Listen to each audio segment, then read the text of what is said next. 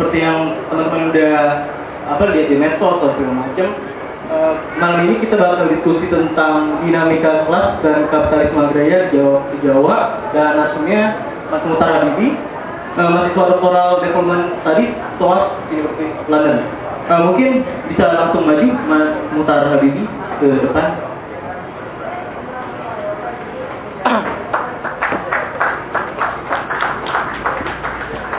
Oke mungkin tak kasih pengantar dikit. Sebenarnya saya kurang sepakat dengan judulnya di Kelas dan Kapitalisme di Jawa. Ya persoalan kenapa harus Jawa gitu? Kan lebih luas nih bisa bahas Indonesia atau lebih luas ya dunia gitu. Eh, selain itu eh, terkait dinamika kapitalisme agraria ini berkaitan menurutku juga berkaitan erat berkaitan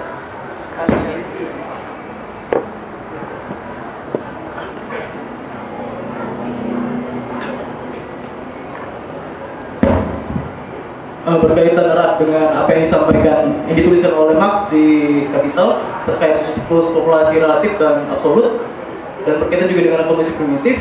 Eh, ini juga yang jadi kajian oleh Mas Habibie di dalam tesisnya di dalam siklus populasi relatif siklus populasi dari kapitalisme pikiran. Mungkin sebagai pengantar itu aja. Mungkin langsung aja Mas Habibie bisa menjelaskan apa yang disampaikannya kurang lebih seperti itu.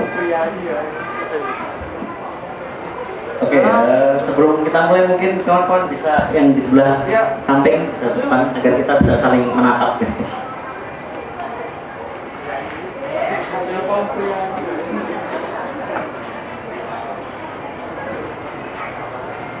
Ini mas.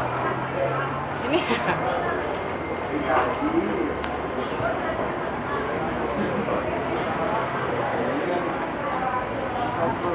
Oke, eh, kita mulai dari ini ya. Eh, ada alasan kenapa judul ini yang akhirnya keluar atau kenapa saya memilih judul ini? Analisis kelas, eh, dinamika kelas dan kapitalisme agraria di Jawa. Ada beberapa alasan yang nanti saya sampaikan. Pertama soal mengapa kelas, mengapa analisis kelas, dan kedua mengapa kapitalisme agraria mau di Jawa maupun di mana nanti itu urusan lain. Tapi yang penting yang ingin saya argumentasikan nanti mengapa istilah kapitalisme agraria yang eh, dipilih. Nah, yang pertama, mengapa dinamika kelas? Mengapa analisis kelas yang saya tonjolkan ketika kita mendiskusikan soal agraria? Yang pertama, kalau kawan-kawan familiar dengan studi agraria, dari tahun 1970-an sampai sekitar pertengahan 1990-an, studi-studi agraria banyak sekali yang menyinggung soal misalnya bagaimana perubahan relasi produksi di pertanian di Jawa maupun di luar Jawa. Bagaimana misalnya sistem penyakapannya, bagi hasilnya berapa persen ke pemilik tanah, berapa persen ke penggarap, apa yang menyebabkan perubahan itu, bagaimana sistem eh, rekrutmen buruh buruh pertanian, lalu bagaimana dampaknya terhadap produktivitas pertanian, bagaimana asal usul buruh pertanian di sebuah desa, mengapa pekerja dari desa X yang datang ke desa Y bukan dari desa yang lain. Pertanyaan-pertanyaan semacam itu sangat familiar studi-studi agraria di tahun 70-an, 80-an. Anda mungkin tahu nama-nama Ben White, Benjamin White, Franz Huston, kemudian ada juga namanya Jonathan Pintus, Anna Stoller, kemudian eh, siapa lagi ya? Itu beberapa contoh tokoh agraria klasik yang mendiskusikan soal agraria dari perspektif melihat relasi produksi pertaniannya dan mengapa relasi produksi itu seperti itu. Misalnya tadi, mengapa penyakapan itu bagi hasilnya di tahun 70-an, 80-an mungkin sekitar masih 70-30, 70 persen untuk pemilik tanah, 30 persen untuk penggarap. Sekarang nah mungkin tinggal paruh-paruh atau istilah Jawanya itu maruh. Kawan-kawan yang berasal dari Jawa mungkin familiar ya kalau ada tetangganya yang petani, kalau ditanya, Bu, Ibu petani? Ya, punya tanah sendiri? Enggak. Nah terus daerah punya tanah siapa? Oh tanahnya Pak X atau Pak Tukijo atau Pak Y. Dengan sistem bagi hasil. Berapa-berapa Bu? Oh mungkin 50-50 atau 60-40. Tapi seluruh biaya produksi itu ditanggung oleh penggarap. Jadi pemilik tanah ya tinggal ongkang-ongkang, nggak udut kayak kawan-kawan di sini minum kopi Nanti ketika panen hasilnya sudah diantar, sudah diantar sampai Tuh, kabelnya. ya. Nah, nah begitu panen hasilnya sudah diantar sampai di depan rumah oleh si penggarap tadi. Jadi ini persis seperti yang pernah disampaikan oleh Soekarno itu tuan-tuan tanah itu tinggal ongkang-ongkang kaki tapi nggak kerja mengerjakan tanahnya sendiri tapi sudah menikmati hasilnya nah studi-studi agraria yang seperti itu itu hampir tidak bisa anda temukan lagi pasca tahun 2000-an ke sini. Terutama di Jawa ya. Dan ini nanti salah satu mengapa Jawa itu menjadi alasan ini karena juga riset saya di e, fokusnya di Jawa. Karena Jawa ini adalah e, Kawan-kawan mungkin familiar bahwa Jawa adalah produsen beras terbesar di Indonesia, eh, di penyumbang beras terbesar di negara kita. 60 persen beras itu dihasilkan dari Pulau Jawa ini. Dan relasi produksi pertanian di Jawa, oleh karena itu sangat penting untuk dipahami. Nah, tetapi pasca tahun 2000-an, studi-studi agraria itu beralih semua dari yang tadinya Jawa Center meneliti produksinya bagaimana, bagaimana pemilik tanah merekrut buruh tani untuk bekerja di sawahnya, bagaimana buruh melawan itu, misalnya protes terhadap kenaikan misalnya upah atau peningkatan kondisi produksi, kondisi kerja, itu hampir hilang sama sekali. Semua studi kemudian beralih ke studi-studi soal sawit, coklat, karet, di luar Jawa atau di literatur itu disebut outer island. Jawa and outer islands. Jadi seolah-olah pulau-pulau yang lain nggak punya nama, cuma disebutnya outer islands. Jadi Jawa tetap dijadikan kayak senternya, itu di literaturnya gitu. Nah pertanyaannya kenapa? Kenapa kok studi-studi soal perhatian terhadap relasi produksi, terhadap dinamika kelas di Jawa yang tadinya itu sangat melimpah di tahun 70-an, 80-an, 90-an itu menghilang di Jawa. Mengapa kemudian banyak studi dilakukan di luar Jawa?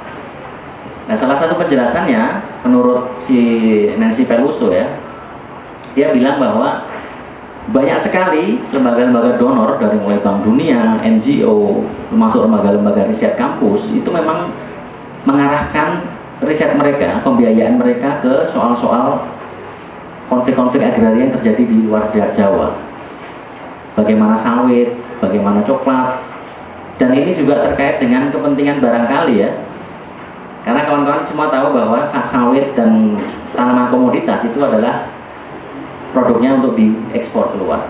Sehingga banyak orang pengen tahu apa yang terjadi dengan e, produksi sawit maupun coklat dan karet itu. Dan implikasinya kemudian kita nggak tahu banyak soal apa yang terjadi di Jawa sekarang, soal relasi produksi pertaniannya paling setahu saya studi pertanian relasi produksi agraria di Jawa itu dilakukan oleh orang Korea. Namanya aja saya lupa. Karena dia tidak terlalu populer dalam studi agraria. Tapi, tapi tulisan dia di jurnal Contemporary Asia itu tahun 2002 terbitnya. Jadi itu terakhir ada studi yang menjelaskan bagaimana relasi produksi pertanian di Jawa. Apa yang berubah dari zaman e, revolusi hijau dimulai ketika tahun 70-an dan bagaimana kira-kira ke depannya itu perubahan agraria di Jawa itu akan seperti apa. Nah itu yang terakhir yang uh, setahu saya. Sebelumnya tahun 96 ada bukunya Jonathan Pincus, kawan-kawan nanti bisa baca. Ini studi yang sangat luar biasa. Judulnya Class Class Power in uh, Rural West Java. Jadi cerita bagaimana kekuatan kelas-kelas agraria ini saling bertarung sama satu sama lain untuk memperbutkan ceruk-ceruk hasil produksi tadi. Ada satu kelas yang namanya kelas kapitalis kata ya, yang dia merekrut buruh untuk kemudian dia mampu menghasilkan profit dan profit itu digunakan untuk memperbesar usaha dia. Atau kita sebut saja akumulasi Sementara di sisi lain ada kelas yang cuma sekedar bekerja untuk orang lain dan tidak mampu untuk bahkan sekedar bertahan hidup. Sehingga bahkan dia harus menyambi istilah Jawanya itu menyambi. Atau kerja sampingan di kerja non pertanian untuk sekedar bisa bertahan hidup.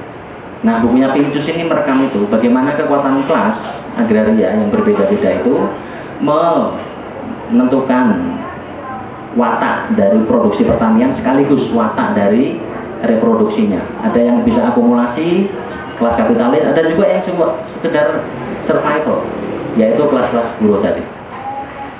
Nah itu adalah studi terakhir tentang agraria yang perspektifnya kelas.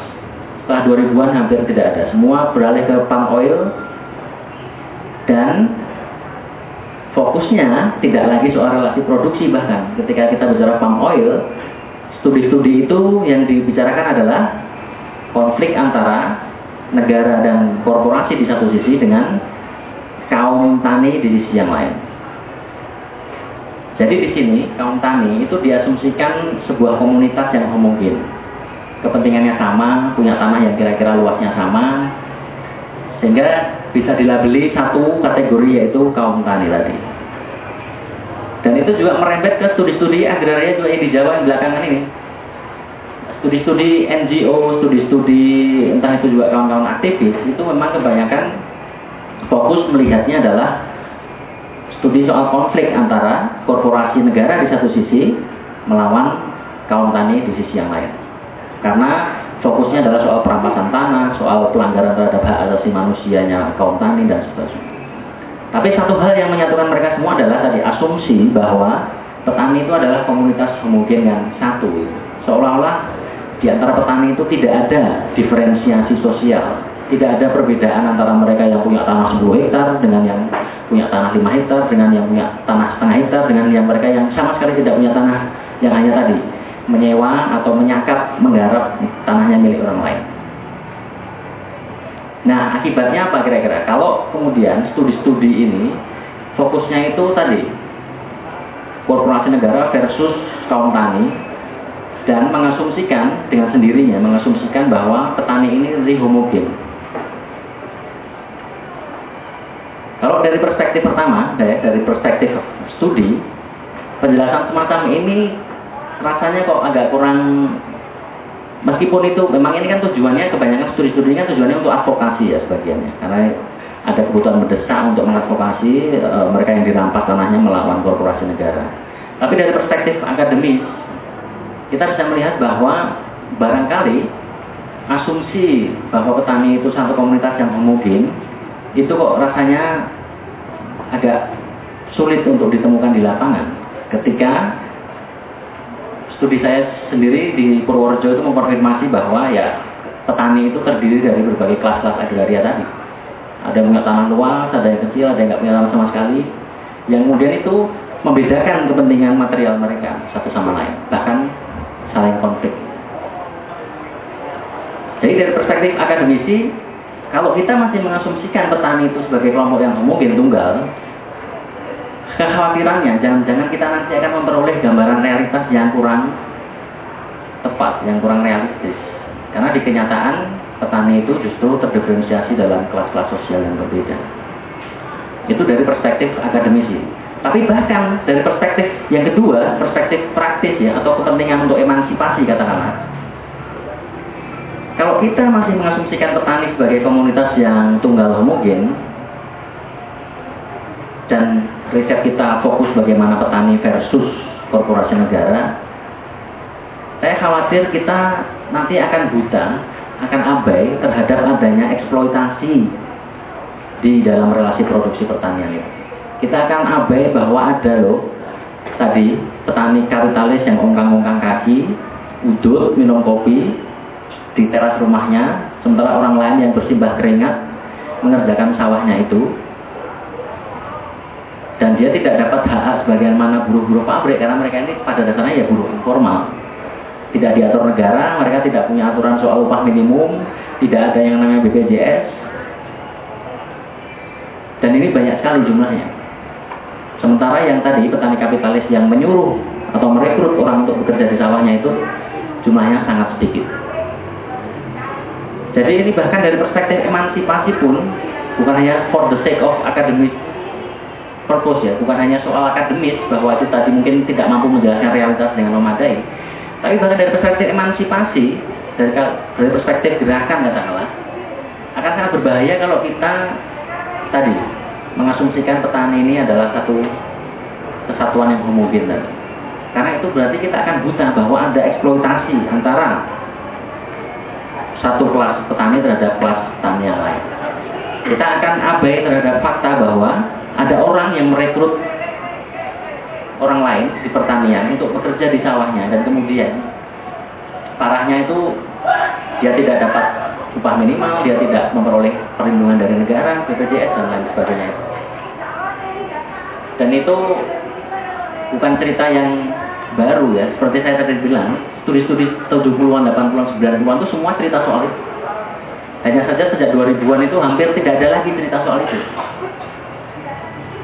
Bahkan kalau mau tarik lebih ke belakang di tahun tahun 60-an, Anda mungkin tahu, pernah dengar tadi Barisan Tani Indonesia yang melakukan riset soal itu.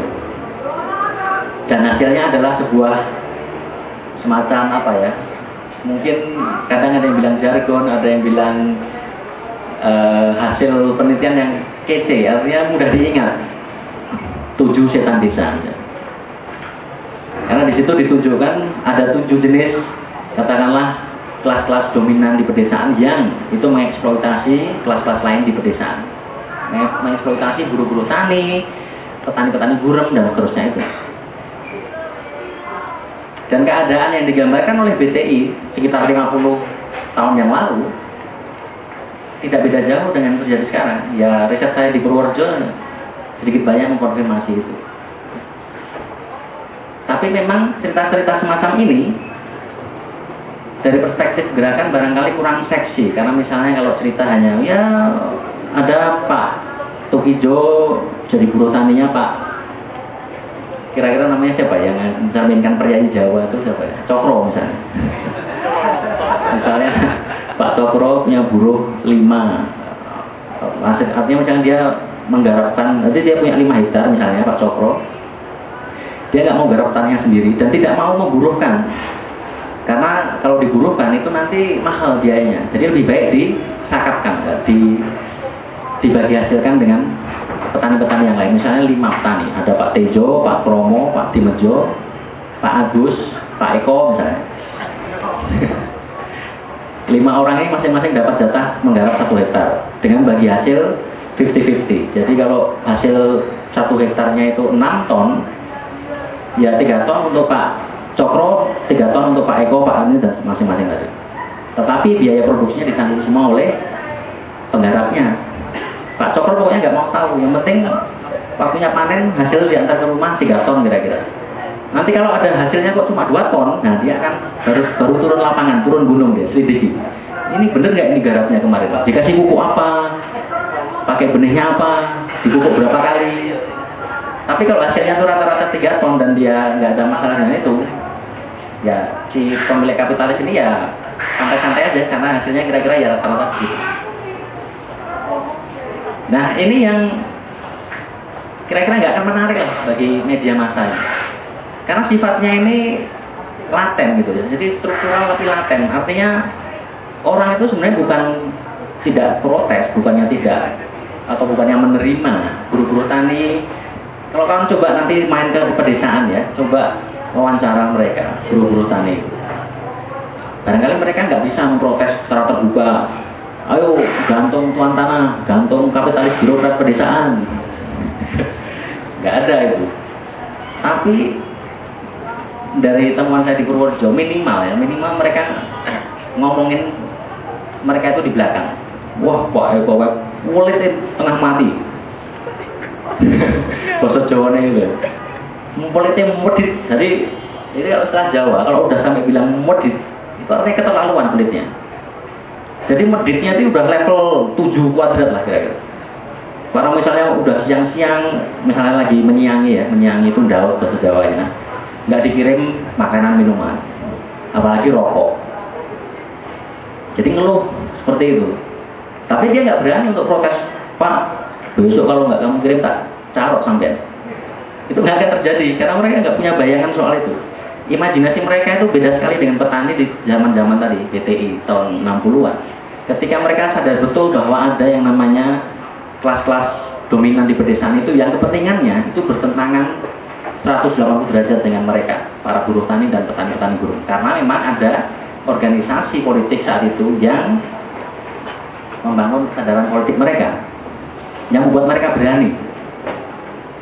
Sementara sekarang petani kalau Anda ke desa, imajinasi mereka apa? Ini yang juga saya temukan sendiri ya. Petani yang masih agak muda, 40-an tahun, 50-an tahun, imajinasinya ya kalau habis ke sawah, habis itu main burung, burung merpati, jorok, balapan jorok. Kalau enggak, ngingu manuk, memelihara burung, mancing. Enggak ada lagi imajinasi soal rebut tanah, tanah untuk penggarap itu kan imajinasi kawan-kawan yang di sini. Tapi buru-buru tani itu gak ada bayang kayak gitu. Dan memang karena tidak ada organisasi politik yang berusaha mendekati mereka. Beda kalau misalnya tanah mereka mau digusur oleh korporasi negara loh.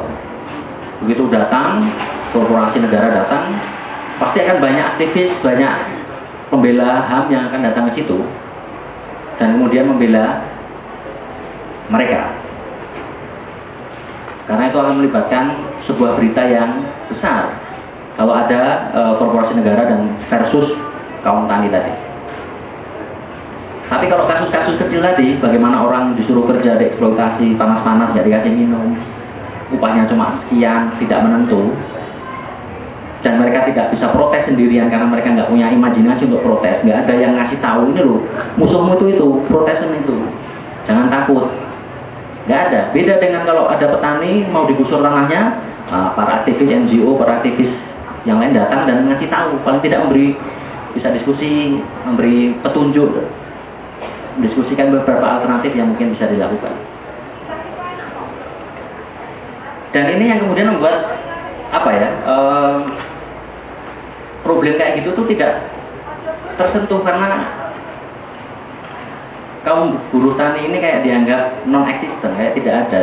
Karena pertama-tama asumsi dasarnya kaum tani itu ya semua sama. Padahal kenyataannya tidak.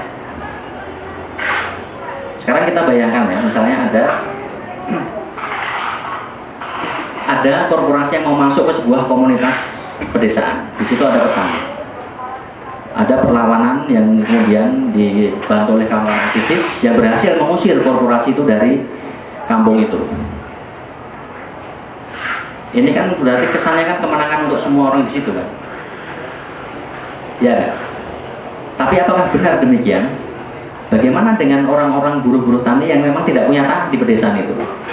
Yang barangkali justru mengharapkan ketika korporasi datang itu bisa menciptakan lapangan kerja bagi mereka dengan upah yang lebih tinggi daripada dia harus kerja untuk petani-petani tuan tanah yang membayarnya dengan murah tadi. Karena begitu misalnya korporasi berhasil diusir, kira-kira orang-orang petani yang kaya tadi, petani yang punya tanah luas, mau nggak bagi tanahnya ke buruh-buruh tani yang nggak punya tanah? Emangnya tanah bahmu mau dibagi-bagi? Nggak ada. Artinya itu kemudian dia kembali ke bisnis as usual, kembali ke yang semua. Ada yang mengangungkan, ada yang ngasih perintah kepada orang lain untuk mengerjakan sawahnya itu. Karena kawan-kawan aktivis ketika mengorganisir ya sudah ketika korporasi itu berhasil diusir ya sudah itu kemenangan sudah selesai. Tapi kemudian yang tidak kalah pentingnya justru tadi bagaimana relasi eksploitasi yang terjadi di relasi produksi pertanian itu kemudian hampir tidak pernah dibahas, tidak pernah diperhatikan. Nah, apakah kemudian eksploitasi ini tidak kalah penting dibanding agenda melawan korporasi. Nah, ini kawan-kawan aktivis yang perlu mendiskusikan. Nah, itu alasan pertama kenapa e, dinamika kelas itu menjadi judul dari diskusi hari ini karena minim hampir dikatakan tidak ada. Mungkin kawan-kawan juga bingung nih. Karena mungkin baru kenal sekarang ada istilah dinamika kelas dan agraria Ini dikira nanti kelas 1 sampai kelas 5 SD atau kelas apa gitu. Karena saking jarangnya orang membahas soal ini kan. Biasanya kalau diskusi agraria kan perampasan tanah dan apa agraria, konflik ini dan itu. Tapi kalau dinamika kelas, perubahan agraria itu sesuatu yang jarang. Jadi saya juga maklum lah jika nanti kawan-kawan mungkin wah dinamika kelas ini apa ini maksudnya dinamika kelas. Nah, nanti kita bahas selanjutnya. Yang kedua, mengapa istilahnya kapitalisme agraria? Ini agak teoritik ya. Alasan kenapa saya pakai istilah kapitalisme agraria ini eh, kawan-kawan mungkin kalau saya tanya misalnya relasi produksi pertanian di Jogja yang mana di mana masih ada Kanjeng Sultan, Pak Sultan, itu sudah kapitalistis atau masih feodal atau campuran di antara keduanya?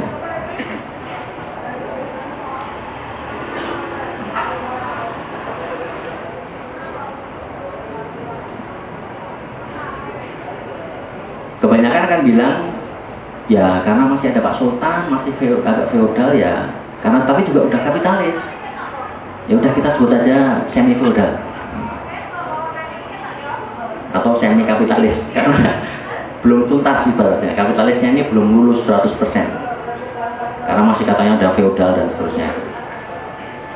Nah ini bahkan juga masih dipegang oleh organisasi politik organisasi aktivis yang masih memegang tesis ini dan memang ini ada dasarnya ada ada konseptual frameworknya, ada basis teoritisnya mengapa mereka berargumen bahwa agraria, relasi produksi di negara-negara pinggiran, tidak hanya di Indonesia ya, di India dan seterusnya itu mereka sebut dengan istilah masih semi feodal. Mengapa disebut semi feodal? Karena relasi produksi pertanian di negara-negara pinggiran ini berbeda, agak berbeda dengan negara-negara di kapitalis maju seperti Inggris, Amerika Serikat. Bedanya apa? Bedanya adalah dalam hal salah satunya adanya maraknya sharecropping atau penyakapan, hubungan penyakapan. Di negara kapitalis maju, Inggris, Prancis, Jerman, Amerika, Anda nggak akan menemukan oh, sistem bagi hasil 50-50 penggarap dan pemilihan nggak ada Nah, di negara pinggiran ini kan mayoritasnya bahkan sampai hari ini ya sharecropping tadi penyakapan. Termasuk di Purworejo yang saya teliti itu. Nah, sehingga banyak orang akan berargumen bahwa loh, itu kan relasinya kan penyakapan, artinya tidak langsung buruh upahan, tidak langsung antara kapitalis di satu sisi dengan buruh upahan di sisi yang lain. Sebagaimana yang terjadi di relasi produksi pertaniannya Inggris, Amerika Serikat, Perancis, Jerman, dan negara-negara kapitalis maju yang lain. Tetapi di negara berkembang ini wataknya ini adalah ada yang namanya pemilik lahan, tapi dia nggak langsung merekrut buruh sendirian gitu ya. Eh nanti kamu ini dong tanam, eh nanti kamu menyiangi, nanti kamu pupuk, nanti kamu panen. Memang ada yang kayak gitu, tapi itu termasuk yang minoritas. Yang kebanyakan apa ya tadi saya nggak akan langsung merekrut buruh, nggak langsung berurusan dengan buruh. Saya cukup memberikan hak penggarapan kepada salah satu tetangga saya dan tetangga saya lah yang nanti akan mengurus semuanya tadi. Jadi saya cukup kasih hak garap kepada Mas Tuhu misalnya. Nah, Tuhu yang akan mengorganisir pekerjanya. Saya tinggal menerima hasilnya. Ketika panen, hasil itu akan tiba di depan rumah saya. Nah, bagi mereka yang percaya tesis semi tadi, mereka mengatakan bahwa itu nggak bisa disebut relasi produksi kapitalis. Karena tidak hubungannya itu tidak langsung antara pemilik tanah kapitalis yang mengeksploitasi buruh secara langsung. Karena dia harus lewat penyakap tadi, si penyakap tadi. Nah sehingga kayak uh, kira-kira sultan ini masih feodal atau enggak? Ini direkam ya? Bahaya juga ya direkam. Kira-kira mereka dia masih feodal atau sudah kapitalis? Masih, masih feodal. Nah, kita akan bahas, benar nggak? Yang labelnya, yang kelihatannya feodal itu masih feodal. Dan apakah hanya hanya karena adanya masih hubungan penyakapan yang dominan, itu kemudian kita bisa menyebutnya ya, oh kita belum mengalami zaman kapitalisme sekarang ini, kita masih zamannya semi feudal atau semi kapitalis. Kenapa ini penting? Karena nanti implikasinya ke politik loh ya, implikasinya ke gerakan politik. Implikasinya misalnya apa? Kalau Anda masih percaya pada bahwa kita ini masih dalam kondisi semi feudal, berarti langkah berikutnya apa? Setelah feodal apa? Ke kapitalisme dulu. Baru kalau sudah kapitalisme baru sosialisme. Jadi kalau Anda percaya masih semi feodal, oh jangan jangan terburu-buru bermimpi sosialisme. Kita ini masih semi feodal, sorry. Ke kapitalisme dulu lah kita ini. Sehingga lawan-lawannya ya tadi, wow, misalnya bangsawan, raja dan seterusnya itu. Karena kapitalis belum ada, karena mereka masih percaya bahwa kita ini masih semi feudal. Tapi kalau anda percaya bahwa kita ini sudah di corak produksi kapitalisme, maka kalau kita ingin mengganti kapitalisme, kita bisa ganti dengan sosialisme. Nah, itu implikasi politiknya begitu dahsyat sehingga perdebatan mengenai apakah semi feudal dan kapitalis perdebatan yang sangat penting itu hampir tidak ada di Indonesia. Aktivis-aktivis bahkan banyak yang taken for granted, banyak yang mengambil itu secara begitu saja, tidak mempersoalkan benar-benar, tidak mendiskusikannya dengan rigid, dengan konseptual, perangkat konseptual yang serius. Misalnya saya anda tanya, uh, saya tanya ke anda, anda percaya mana? Kita ini sekarang masih semi feudal atau sudah kapitalis? Nah, pasti banyak yang gelagapan. Ini jawabnya dari mana? Karena definisi Anda tentang feudalisme, tentang kapitalisme itu bahkan Anda nggak punya bayangan sama sekali. Dan saya cukup yakin 99,9% aktivis yang teriak-teriak tentang anti kapitalis, bangun sosialisme itu mungkin tidak memahami betul bagaimana definisi itu bekerja, bagaimana kapitalisme, feudalisme itu didefinisikan. Nah kita akan sedikit membahas soal itu. Tadi kembali ke tadi. Apakah benar kalau ada sharecropping, ada penyakapan di produksi pertanian, itu masih mencerminkan hubungan feodal? Tesis ini salah satunya diikuti oleh yang tadi, tadi namanya Franz Husken tadi. Franz dalam bukunya, ini buku yang sangat baik sekali ya. Saya sangat rekomendasikan kawan-kawan membacanya. Judulnya itu Masyarakat dalam Perubahan Zaman. Jadi ini disertasinya Frank Husken di oh, studinya di Pati, Kabupaten Pati di ya sekarang sedang ramai konflik semen itu. Studi ini dia disertasi untuk di uh, University of Amsterdam dan disertasinya ini melacak perubahan agraria dari perspektif kelas ya, dari perspektif terjadi pertarungan kelas antara kelas-kelas kapitalis dengan kelas proletar dan semi proletar itu sejak zaman kolonial sampai tahun 80-an. Jadi tepatnya 1830 ketika awal-awal masa tanam paksa sampai 1980-an. Jadi sekitar satu setengah abad dia melacak itu. Jadi dia membaca arsip-arsip kolonial di Belanda. Dia juga datang langsung ke lapangan sekitar 6 bulan sampai setahun karena dia kan seorang antropolog. Jadi ini studinya ini kombinasi antara antropologi lapangan dengan histori hasilnya ya luar biasa. Anda kan tercengang kalau anda membaca buku ini. Saya tidak dibayar untuk mempromosikan buku ini ya. tapi ini buku yang memang kalau anda ingin belajar perubahan agraria dari perspektif menyorot relasi produksi pertanian buku pertama yang mungkin anda bisa baca untuk konteks Indonesia adalah buku buku Francis tadi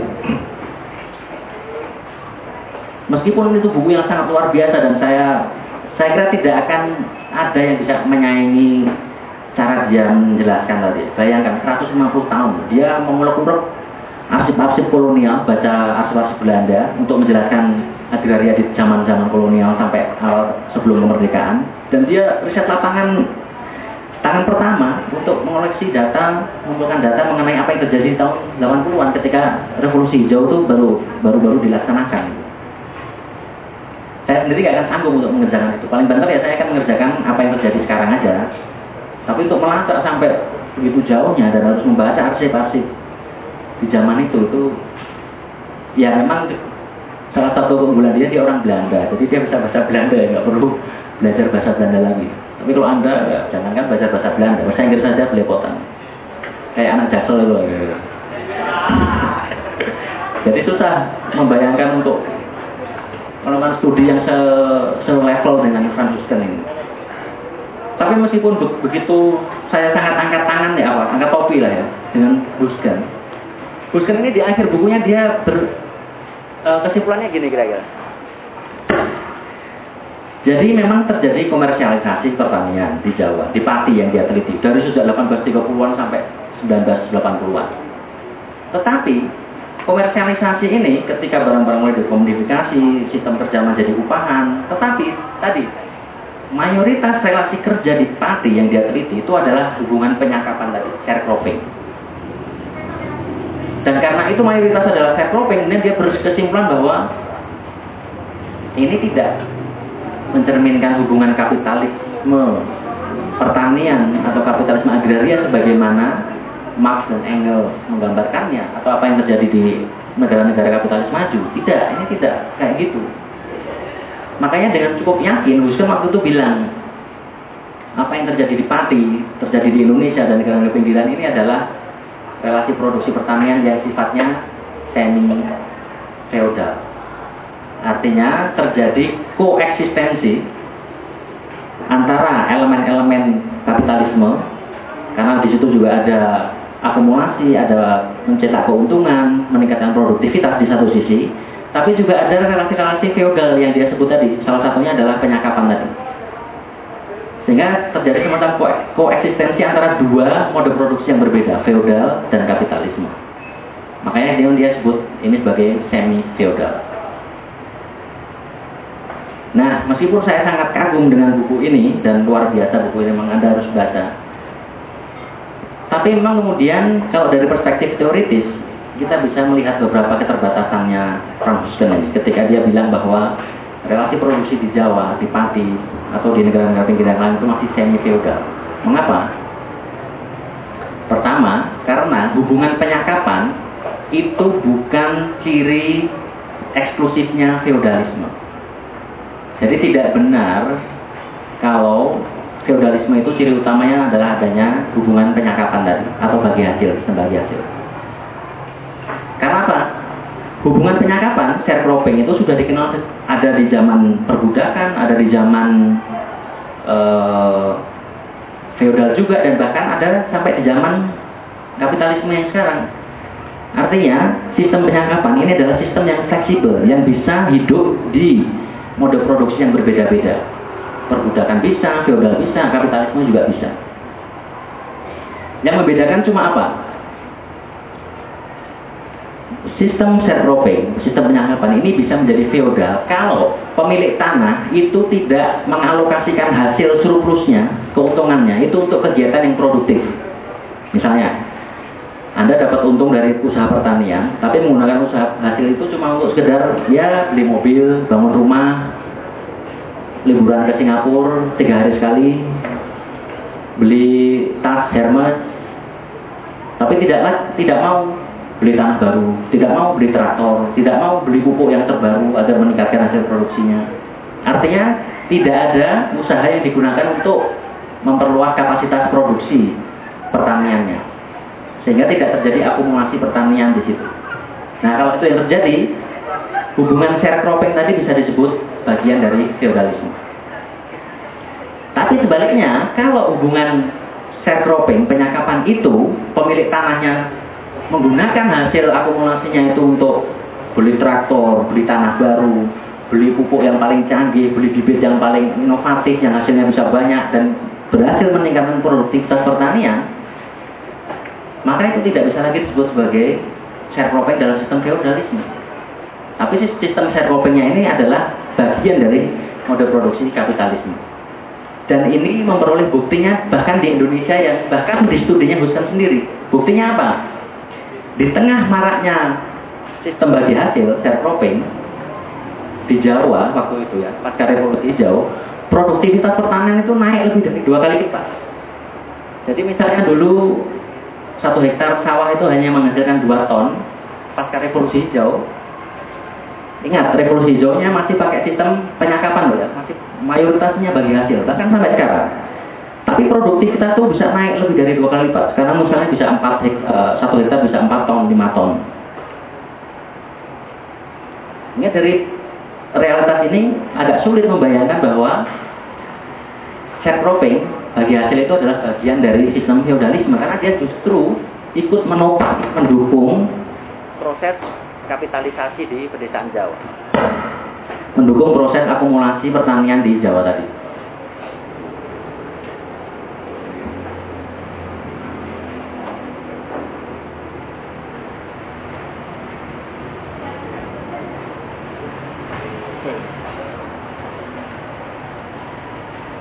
Nah, kalau itu adalah bagian dari kapitalisme, maka kita akan masuk ke pembahasan yang lebih susah, lebih serius ya. Apa yang kita maksud dengan kapitalisme?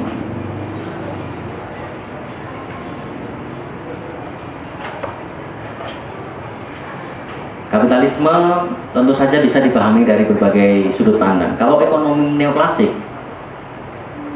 dia tidak pernah mengakui ada istilah kapitalisme dia paling banter pakai istilahnya apa pasar modern. Jadi itu bentuk eufemis apa ya? Eufemisme dari kapitalisme. Karena kalau istilah kapitalisme dipakai itu kayak mengesankan kapitalis itu jahat. Makanya dia pakai istilah yang lebih netral. Pasar modern pelakunya siapa? Oh pengusaha entrepreneur dengan labor pekerja.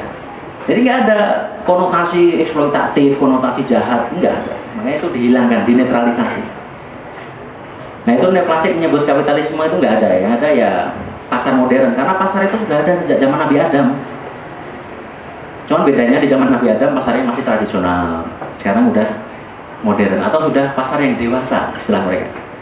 Mature market. Kalau yang dulu berarti pasar uh, masih ABG lah kira-kira pasarnya itu masih cabai-cabean, masih belum matang, belum dewasa. Nah sekarang kalau dari perspektif ekonomi politik dari Mbah Jenggot Marx itu apa kira-kira kapitalisme? Kapitalisme kalau kita mengikuti tradisinya Robert Brenner, Ellen Wood, kawan-kawan yang sudah familiar dengan ini ya, termasuk juga nanti ada Henry Bernstein. Definisinya sangat sederhana. Kapitalisme ini adalah bahasa Inggrisnya ini generalized commodity production atau dalam bahasa gampangannya ya kira-kira relasi produksi yang didominasi oleh relasi sorry sistem sosial yang didominasi oleh relasi produksi untuk menghasilkan komoditas dengan kata lain seseorang untuk bisa bertahan hidup sekarang ini di zaman kapitalisme itu tidak bisa hidup di luar sistem komoditas tadi. Jadi kalau Anda ingin hidup, Anda harus menjual tenaga Anda karena itu adalah komoditas di pasar. Kalau Anda ingin punya ya Anda ingin makan buah, ya Anda beli di pasar. Anda ingin e, makan daging, Anda beli di pasar. Semuanya harus dipenuhi lewat mekanisme pasar, dimediasi oleh pasar. Dan untuk bisa memperoleh apa yang diperjualbelikan di pasar, Anda harus punya currency, Anda harus punya alat tukar. Dan alat tukar itu namanya uang. Dan untuk bisa dapat uang, Anda harus kalau Anda nggak punya mesin, nggak punya pabrik, nggak punya apa ya, Anda harus jual tenaga Anda ke orang lain. Dengan dan dengan itu Anda dapat upah. Dan dengan upah itulah alat tukar Anda bisa memenuhi kehidupan Anda di dunia ini kira-kira. Jadi sistem kapitalisme ini adalah semuanya didedikasikan untuk memproduksi komoditas dan ini bisa dilihat dari tiga level cirinya ya Mengapa kok bisa sekarang ini masyarakat itu tidak bisa hidup lewat produksi komoditas? Mengapa kita semua ini untuk mereproduksi diri kita, makan, minum, rumah, akses kesehatan, pendidikan ini semua diperantara oleh pasar. Mengapa itu terjadi? Karena kita sedang mengalami apa yang disebut dengan market imperatif. Jadi pasar itu sekarang mendominasi kehidupan kita. Nilai-nilai pasar, kompetisi, Pertama sorry, individualisme. Dalam ilmu neoplastik, unit analisis utamanya adalah individualisme. Individu-individu. Individu-individu ini dibayangkan orang-orang yang rasional yang bisa memilih opsi-opsi yang terbaik untuk memaksimalkan manfaat terbesar bagi dirinya sendiri. Artinya individu itu pada dasarnya egois. Gampangnya kira-kira gitu. Nah individu ini harus bersaing satu sama lain, harus berkompetisi satu sama lain. Dan untuk bisa memenangkan kompetisi itu, Anda harus efisien, Anda harus produktif. Nah kalau sampai sini mungkin kawan-kawan sudah nyambung ini. Makin banyaknya seminar-seminar soal entrepreneur, apalagi uh, pelatihan skill-skills. Karena semua Anda di, di internalisasi bahwa Anda itu harus berhasil berkompetisi, bersaing satu sama lain. Kalau gagal Anda akan mati. Anda akan jadi orang miskin dan sebagainya. Artinya kegagalan Anda itu ya salah Anda sendiri. Bukan salah sistem sosial yang membuat Anda gagal, membuat Anda miskin, membuat Anda bodoh. Nah karena Anda individu, disuruh kompetisi, dan untuk kompetisi harus produktif, harus efisien, semua ini ditujukan untuk memperoleh profit tadi. Karena ingat tadi ada currency, ada alat tukar. Gitu. Semakin Anda makin mendapatkan banyak uang sebagai alat tukar, Anda bisa mem memperoleh apa pun yang Anda inginkan. Dan itulah tujuan akhir dari filosofi liberal, kebebasan seluas-luasnya. Makanya bagi kaum neoklasik, ekonomi neoklasik, keinginan kita itu tidak terbatas. Tapi sumber daya untuk memenuhi keinginan yang tidak terbatas itu terbatas. Karena ya planet kita ini kan cuma satu yang itu. Sementara mungkin keinginannya Donald Trump, keinginannya Bill Gates itu nggak ada batasnya. Mungkin kalau ada dua bumi dia pengen menguasai dua bumi itu. Jadi ini sistem yang uh, membuat kita itu disuruh kompetisi, disuruh produktif, disuruh mencari keuntungan, yang kita tidak hampir tidak bisa lepas darinya. Inilah market imperatif tadi. Pertanyaannya adalah apakah ini sudah ada sejak zaman Nabi Adam atau baru-baru belakangan ini? Kalau Anda percaya bahwa sistem yang kayak gini itu sudah ada sejak zaman Nabi Adam, ya kira-kira berarti itu, ini akan kayak gini terus sampai kiamat. Kalau itu yang kita percaya ya udah kita tidur, cuci kaki tidur terus berdoa aja semoga kita selamat sampai akhirat kira-kira. Tapi kalau kita tidak percaya bahwa sistem ini sudah ada sejak dulu, artinya ini baru-baru ini, berarti kan dulu pernah ada sistem yang lain kan ya, selain ini. Nah ini membawa kita kepada aspek sejarah dari kapitalisme. Sejak kapan kapitalisme itu muncul? yang membuat individu-individu itu dipaksa untuk kompetitif, produktif, dan untuk bisa akumulatif. Nah itu semua dosa asal ini semua berawal dari abad sekitar abad 17 di Inggris. Kawan-kawan pasti sudah familiar jadi tidak perlu saya ulang. Terjadinya proses akumulasi primitif, proletarianisasi, pemisahan produsen dari independen produser menjadi orang yang tidak punya tanah sama sekali sehingga mereka harus menjual. Di situ asal mula komodifikasi tenaga kerja itu di situ. Sebelum itu sangat tidak ada yang membayangkan tidak ada orang yang membayangkan bahwa tenaga itu akan dijual dan menempati posisi dominan dalam masyarakat dan kemudian itu menjadi satu-satunya cara kita untuk bertahan hidup itu yang sesuatu yang belum terbayangkan saja tapi ketika kapitalisme hadir tenaga kerja dikomodifikasi, maka kita tidak bisa lagi hidup selain dengan cara menjual tenaga kita itu. Nah ini aspek pertama dari kapitalisme, definisi kapitalisme tadi. Yang pertama ini adalah terjadinya komodifikasi tenaga kerja. Karena ini menjadi sangat sentral. Komodifikasi tenaga kerja ini sangat sentral. Yang kedua, implikasinya setelah terjadi komodifikasi tenaga kerja adalah Kalau tenaga kerja itu dikomodifikasi, berarti kan ada yang membeli. Siapa yang membeli tenaga kerja? Mereka yang punya sarana produksi. Mereka yang punya modal, yang punya tanah, yang punya uang. Dan mereka ini bisa saja kita sebut sebagai kapitalis. Dan ketika seseorang membeli tenaga orang lain di depan, ini kan, eh mas besok kerja ke aku dong. Kerja apa? Ya udah, mencangkul di sawah, traktor sawah. Atau kerja di pabrik saya 8 jam sehari. Gajinya sudah ditentukan, sehari gajinya segini.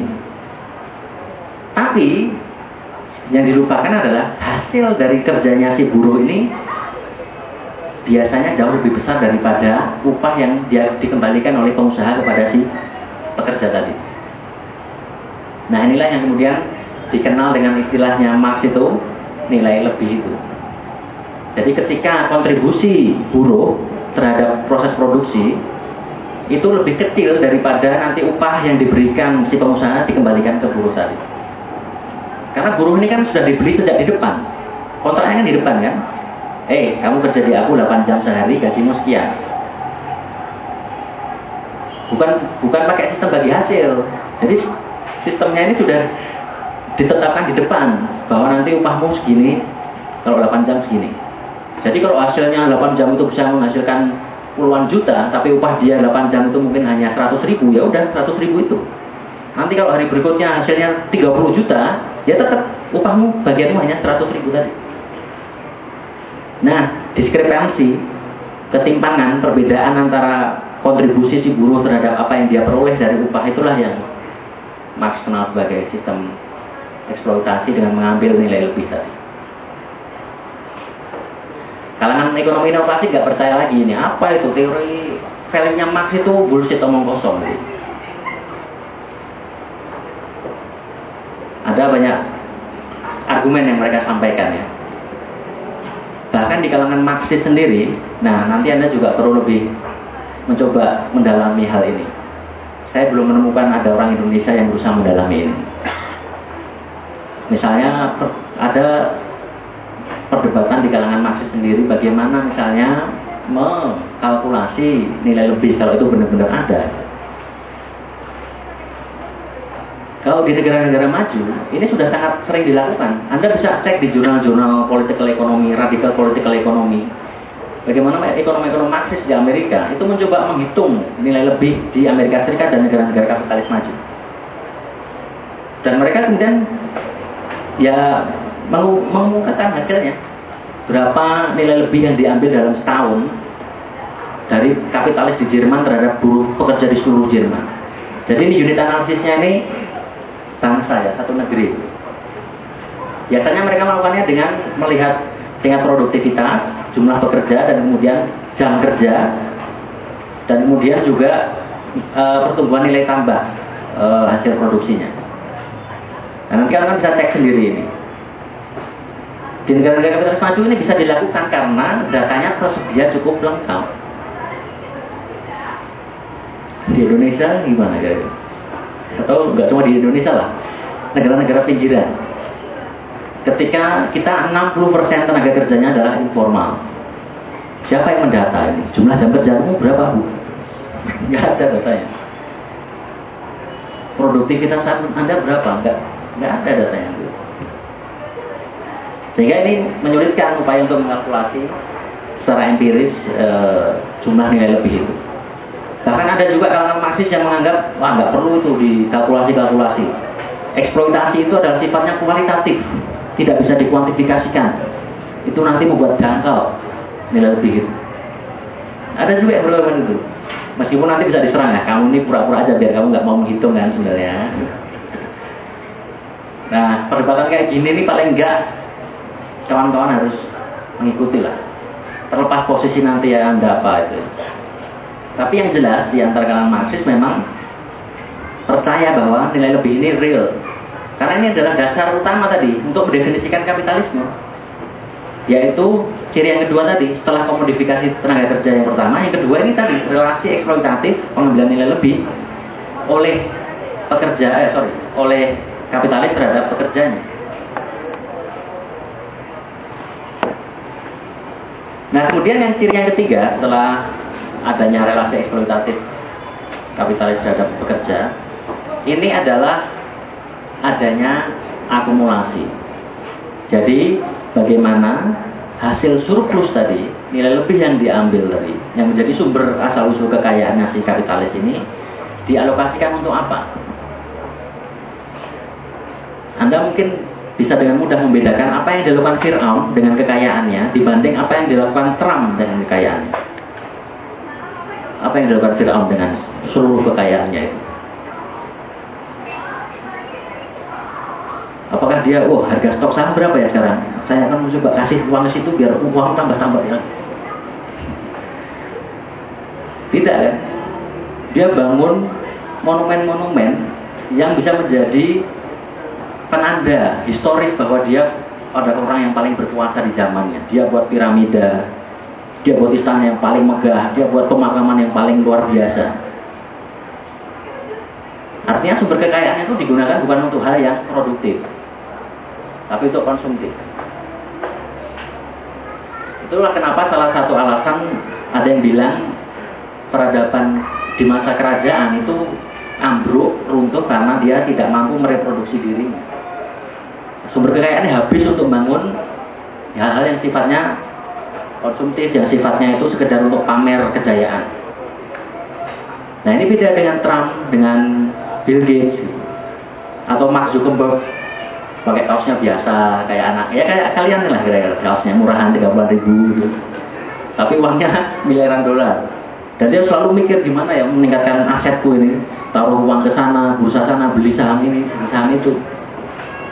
Dia nggak terlalu mikir untuk membangun kejayaan dirinya dengan cara-cara norak sebagaimana raja-raja dulu melakukannya. Itu kan cara yang norak kan dulu kan? Bangun kerajaan bangun apa? Kalau sekarang enggak, kapitalis ya kayak Bill Gates, Mark Zuckerberg, kelihatannya sederhana, tapi duit yang dia akumulasi itu terus meningkat terus terus. Makanya tidak heran kalau sekarang ya satu persen penduduk dunia menguasai lebih dari separuh total kekayaan bumi. Tidak ada yang perlu dikejutkan dari itu karena orang-orang kapitalis, orang-orang kaya di zaman kapitalisme itu tidak menghabiskan uangnya untuk spending hal-hal yang konsumtif sebagaimana para raja dulu mereka selalu berupaya untuk menggandakan keuangan. Nah ini adalah ciri ketiga dari kapitalisme ini. Dan ini yang kemudian membedakannya dengan tadi feodal. Di zaman feodal tidak ada yang namanya tadi komodifikasi tenaga kerja secara penuh. Dan tidak ada juga tadi akumulasi sebagai sumber. Feodalisme makanya salah satunya runtuh ya karena tadi terjadi kemandekan kebuntuan dalam mereproduksi basis material ekonominya sendiri.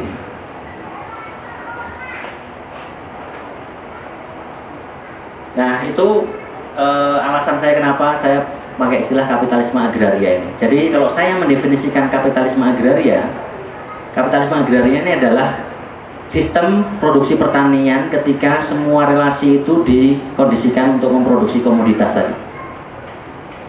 Dengan kata lain, seluruh aktor-aktor dalam produksi pertanian itu tidak bisa hidup, tidak bisa mereproduksi diri dan keluarganya tanpa memproduksi komoditas, tanpa terlibat dalam proses produksi komoditas. Artinya dia harus menjual tenaganya kah, dia harus memproduksi barang dan jasa untuk dijual di pasar kah, dan sebagainya. Dan kemudian dengan itu dia terhimpit, dia dikondisikan oleh nilai-nilai pasar tadi.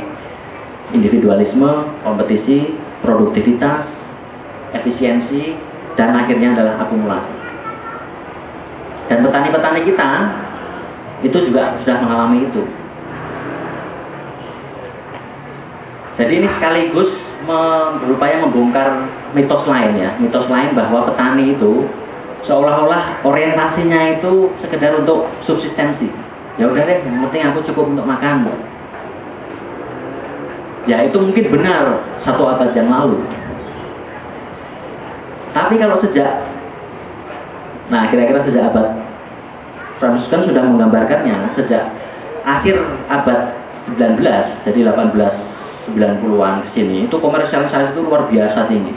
Luar biasa membuat petani-petani itu makin tergantung pada pasar. Terlebih lagi pasca Perang Dunia Kedua, pasca kemerdekaan kita, kita melakukan land reform dan juga kemudian green revolution, revolusi hijau. Yang semua intinya apa? Meningkatkan produktivitas pertanian dengan cara input-input modern agar bisa meningkatkan surplusnya, surplus produknya dari pertanian itu. Yang itu membuat petani-petani kita makin tergantung pada pasar. Bibit yang dulunya buat sendiri sekarang harus beli ke pasar. Pupuk yang tadinya organik harus beli lewat pasar. Termasuk penjualan yang tadinya langsung dengan pembeli sekarang harus diperantari oleh pasar dan berbagai hal-hal yang lain.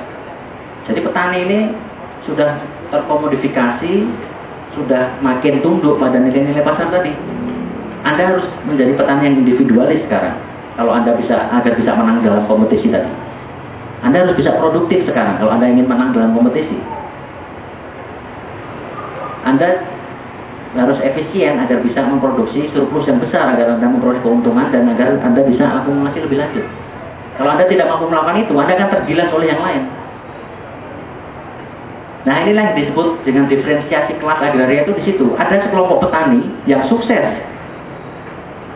mengalahkan pesaing-pesaingnya ini. Dia efisien, kompetitif, produktif, keuntungannya besar, dia beli tanah lagi. Dia makin jadi besar jadi jadi kapitalis pertanian. Di sisi lain, kelompok petani-petani yang lain mungkin kalah bersaing. Entah misalnya karena nggak punya kredit, pinjaman kredit, nggak punya tanah yang luas, teknologinya tidak terlalu maju, dia kalah bersaing, akhirnya yang tadinya punya setengah hektar tanah misalnya, kehilangan tanahnya sama sekali. Akhirnya menjadi perotak, menjadi petani tanpa tanah. Ada juga yang tadinya punya 0,7 hektar, karena terbelit hutan, karena terbelit hal yang lain, kalah dalam kompetisi, harus menjual 0,4 hektar tanahnya. Sehingga dia mungkin sekarang tinggal punya 0,3 hektar. Yang itu tidak akan cukup untuk menghidupi dirinya sendiri. Sehingga dia harus bekerja juga untuk orang lain. Nah inilah kondisi petani dalam kapitalisme yang sekarang ini. Bagaimana dinamika kelas ini diferensiasi kelas ini merupakan dampak dari proses komodifikasi petani-petani tadi petani yang tadinya itu orientasinya subsistensi sekarang nggak bisa lagi disebut kayak gitu. Makanya e, di tulisan saya di Indo Progress saya berargumen bahwa ya maaf saja sudah tidak ada lagi. Passion itu udah nggak ada lagi. Passion bahasa Indonesia nya petani saya kasih tanda kutip ya. Karena passion ini ke dalam bahasa Inggris beda dengan farmer.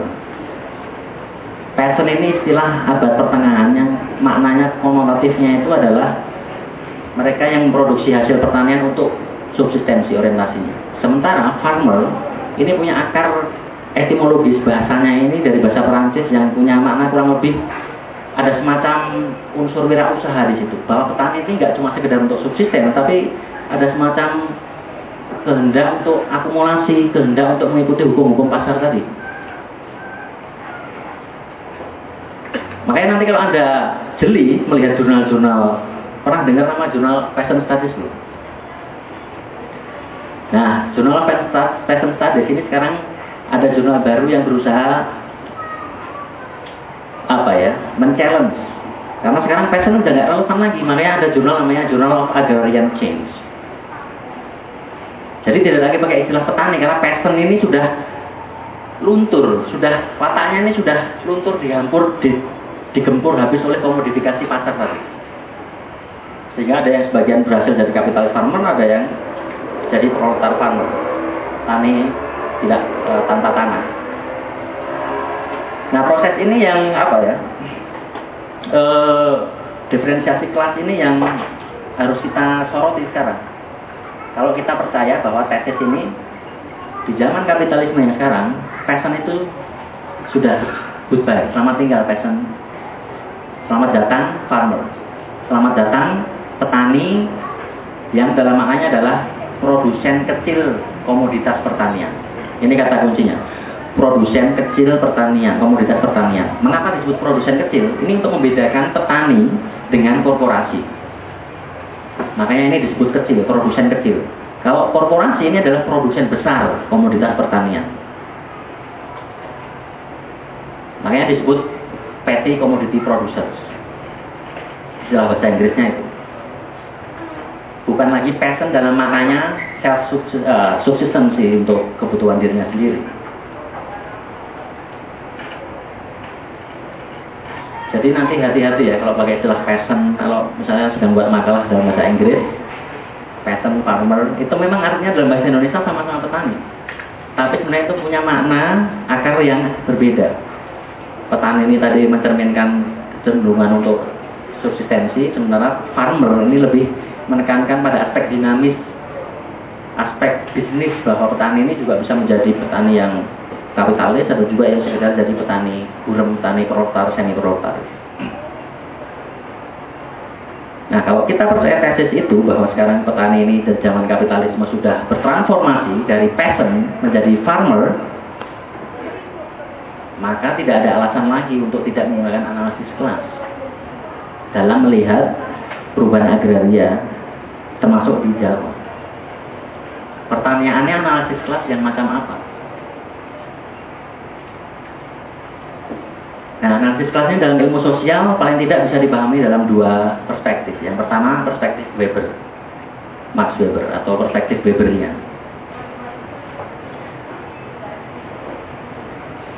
Yang paling gampang tentu saja adalah istilah kelas menengah. Kira-kira dasarnya apa? Orang bisa menyebut kelas menengah ini dasar klasifikasinya apa? Saya sambil minum dulu ya.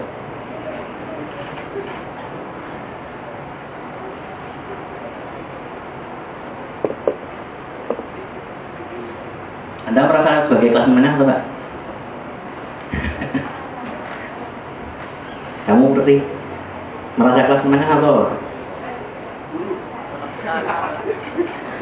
kapitalis malah ngakunya? Oh boleh. Anak-anak kapitalis. Oh anak kapitalis. Tapi kan sama anak, anak kapitalis. Kamu nggak punya sendiri loh. Dia bakal jadi working class. Oh ya. Karena dia kayaknya pernah ikut kelas analisis kelas, jadi kayaknya dia menghindari jebakan nggak bisa deh. Jadi kalau kelas menengah, ini kan istilah yang sering kali digunakan termasuk Bank Dunia. Ini sebenarnya adalah pendekatannya Weberian karena klasifikasinya kelas ini didasarkan pada pendapatan. Atau istilah kerennya itu, istilah Webernya itu eh, apa? Life chance, kesempatan hidup.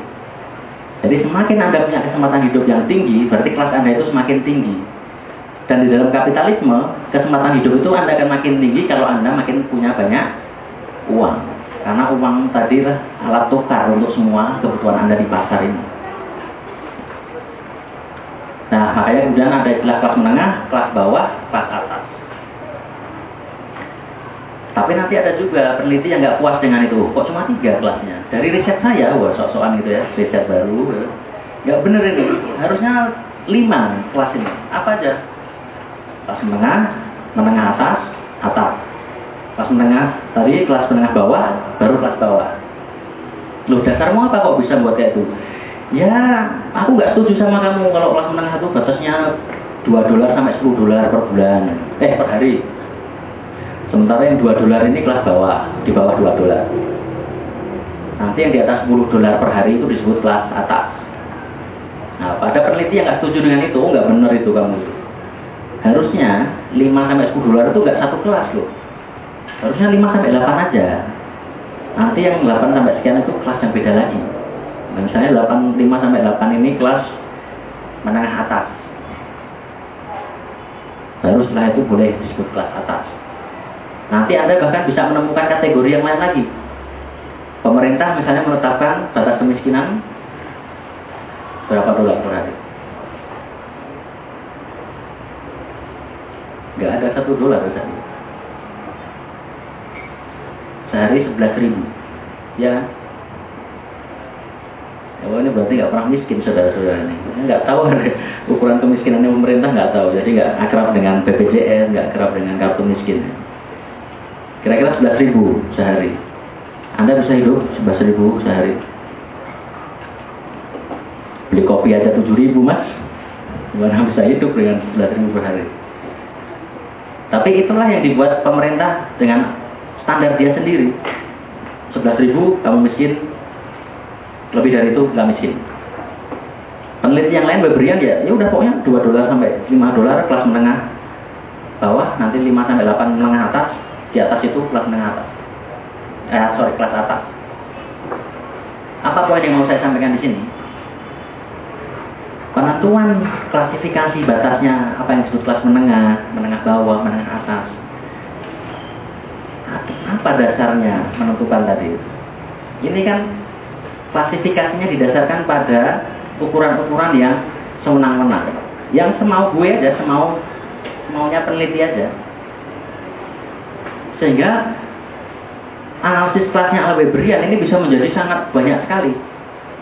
Bisa saja saya membuat kelas sendiri nanti 2 dolar sampai 2,3 dolar 2-3 dolar sampai 4 dolar kelas yang baru lagi. Terus bisa saja terjadi 50 kelas. Masyarakat di Indonesia dibagi dalam 50 kelas. Kelas menengah puncak kelas menengah agak puncak kelas menengah atas agak atas bawah sampai bawah kesannya jadi kemudian nah ini kelemahan yang pertama analisis yang berian ini analisis kelasnya jadi kayak main-main aja karena dasar klasifikasinya ini ditentukan secara arbitrary, secara sewenang-wenang. Jadi meaningless bahasa kerennya itu ya nggak bermakna. Kemudian semua orang bisa membuat klasifikasi kelas yang berbeda-beda berdasarkan ukuran yang dianggap pas gitu.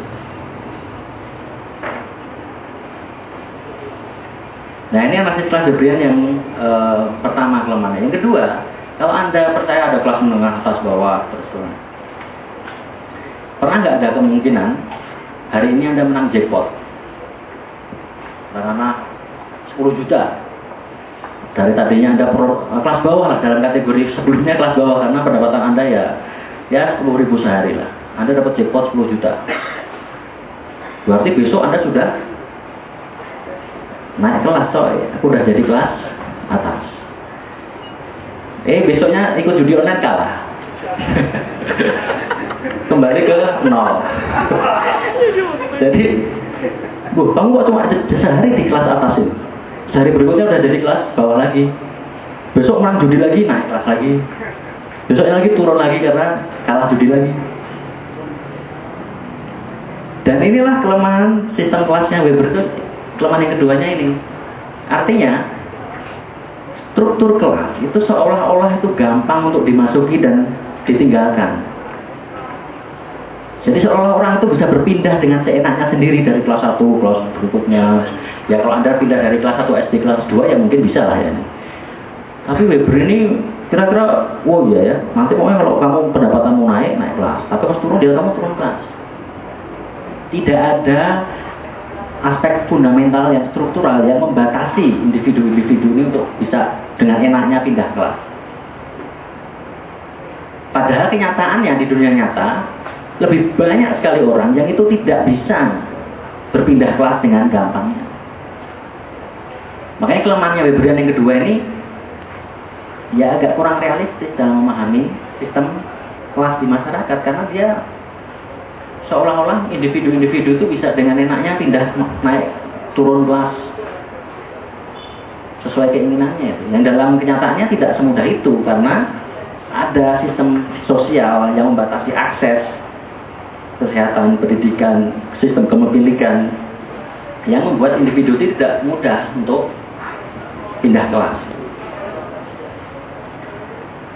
Nah, Kelemahan-kelemahan ini tidak dimiliki oleh yang kita sebut nanti sebagai analisis kelas Marxis. Nah, sebelum saya nanti dianggap mengklaim bahwa analisis kelas Marxis ini hanya satu varian, di awal makanya saya tekankan bahwa ada juga perdebatan tentang bagaimana memahami analisis kelas di dalam pendekatan Marxis. Paling tidak ada dua pendekatan. Ya, yang satu kita sebut saja pendekatan struktural, yang kedua sebut saja pendekatan relasional. Nah, saya tidak akan membahas keduanya karena itu bisa kuliah satu semester. Jadi malam ini cuma agak semenang-menang saya membahas yang umum aja, yang umumnya di uh, pahami orang itu kira-kira ya pendekatan yang atau yang paling enggak menurut saya lebih pas itu ya pendekatan yang relasional tadi. Yang artinya kelas dalam sistem Marxisme itu dasarnya bukan pendapatan, untuk mengklasifikasikan orang ke dalam kelas-kelas. Tapi dasarnya apa? Dasarnya adalah posisi Anda dalam sistem eksploitasi. Anda itu mengeksploitasi orang atau Anda dieksploitasi. Dan di, di dalam di era kapitalisme yang tadi ya, kepemilikan terhadap sarana produksi adalah sumber utama untuk bisa memenangkan kompetisi di pasar, maka orang yang mengeksploitasi itu adalah pasti adalah orang yang menguasai sarana produksi. Karena dengan Anda punya alat sarana produksi, Anda yang akan merekrut orang, Anda yang akan mempekerjakan orang. Dan di situlah tadi terjadi pengambilan nilai lebih tadi. Maka di situlah Anda mengeksploitasi orang. Sebaliknya, ada kelas yang dieksploitasi. Dalam hal ini siapa? Ya mereka yang hanya menjual tenaganya karena dia tidak punya apa-apa selain tenaganya, yaitu kelas pekerja. Jadi ya satu, dua aja kelas itu dalam marxisme. Kelas kapitalis, pengeksploitasi dan kelas yang dieksploitasi pekerja. Nah terus gimana mas itu ada manajer, supervisor, konsultan-konsultan, dosen, profesor, dokter, pilot. Mereka kan kalau dalam kategorinya Weber masuk apa? Kelas menengah tadi ya. Tapi kalau di perspektif Marxis mereka ini apa? Siapa? Sepanjang dia menjual tenaganya untuk ditukar dengan upah dan dia tergantung darinya dari upah itu untuk mereproduksi dirinya sendiri, ya dia itu termasuk bagian dari pekerja. Makanya mau dosen, dokter, manajer, supervisor, penghasilannya berlipat-lipat dari buruh pabrik, ya mereka tetap saja pekerja. Cuman memang bedanya ada yang disebut pekerja, katakanlah pekerja terampil ya, pekerja kerah putih dan pekerja kerah biru, buruh-buruh kasar, buruh manual. Apa buktinya kalau mereka punya kepentingan kayak kelas pekerja, orang-orang yang terdidik, orang-orang yang terampil? Anda masih ingat ya krisis 98? Anda waktu itu mungkin sangat, kalau sekarang mungkin jarang, tapi dulu Anda akan mendapati banyak sekali karyawan-karyawan bank ya, karyawan dalam tanda kutip ya, yang pakainya netis-netis, itu demo menuntut hak-haknya untuk dipenuhi karena mereka dipecatin semua.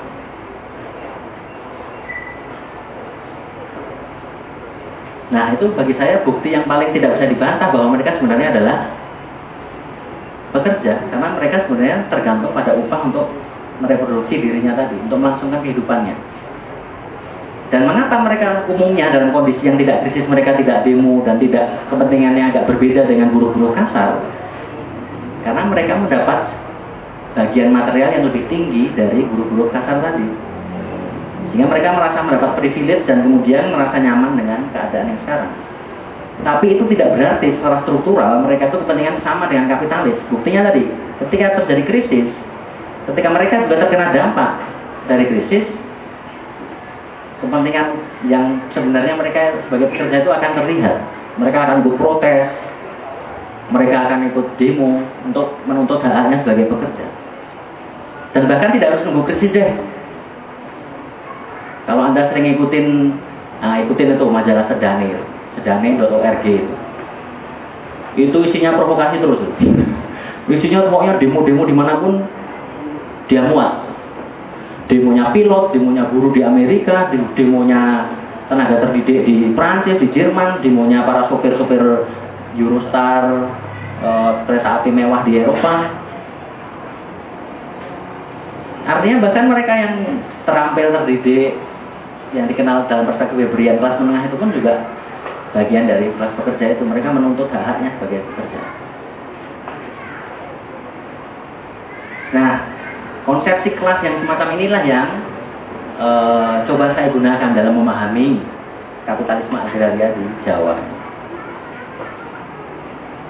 Bukan perspektif, kalau perspektif Weberian kira-kira apa? Saya akan mendefinisikan kelas-kelas di agraria kayak apa? Oh ya, petani kelas petani kecil. Terus nanti ada kelas petani menengah, Petani kecil adalah kalau dia punya 0 sampai 0,5 hektar. Petani menengah 0,5 sampai 1 hektar. Petani besar di atas 1 hektar. Nah itu perspektif Weberian tadi. Karena dia pakai klasifikasi yang gradual ya.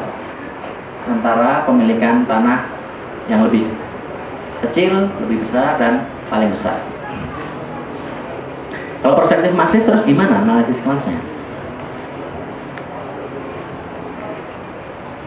kembali ke basic tadi ada kapitalis dan ada buruh nah caranya untuk kita menganalisis kelas kelas-kelas agraria di pedesaan Jawa ataupun di luar Jawa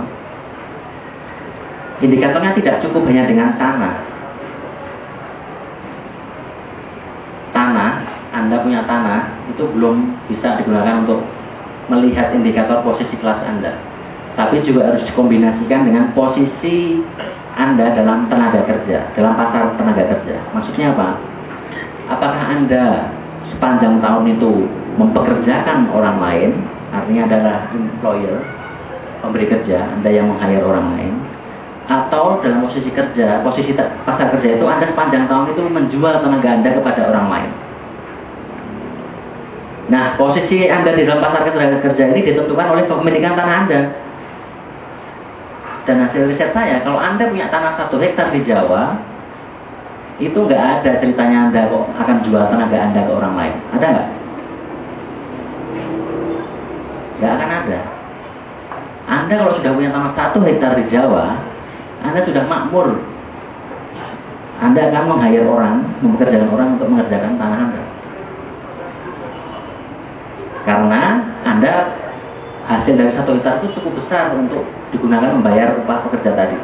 Dan juga satu hektar itu sangat sulit kalau dikerjakan sendirian, apalagi anak-anaknya kuliah di UGM, UNJ, kayak anda-anda ini. Jadi itu tidak hampir tidak mungkin terjadi. Nah, di posisi yang paling ekstrim lawannya adalah mereka yang tidak punya tanah sama sekali, yang sepanjang tahun itu ya mengandalkan bekerja untuk orang lain. Jadi ini relasinya tadi ya, selalu ingat tanah dan posisi dia dalam pasar kerja. Kepemilikan tanah menentukan dia dalam posisi kerjanya. Kalau Anda punya lebih dari satu hektar, Anda pasti tidak mungkin menjual tanah, eh, menjual tanah Anda ke orang lain. Dan sebaliknya kalau Anda punya tanah sama sekali itu sudah hampir pasti Anda harus menjual tenaga Anda sepanjang tahun. Jadi ini tetap dalam posisi klasik pembedaan Marxis tadi, kapitalis, pertanian, petani kapitalis di satu sisi dan petani buruh, petani proletar.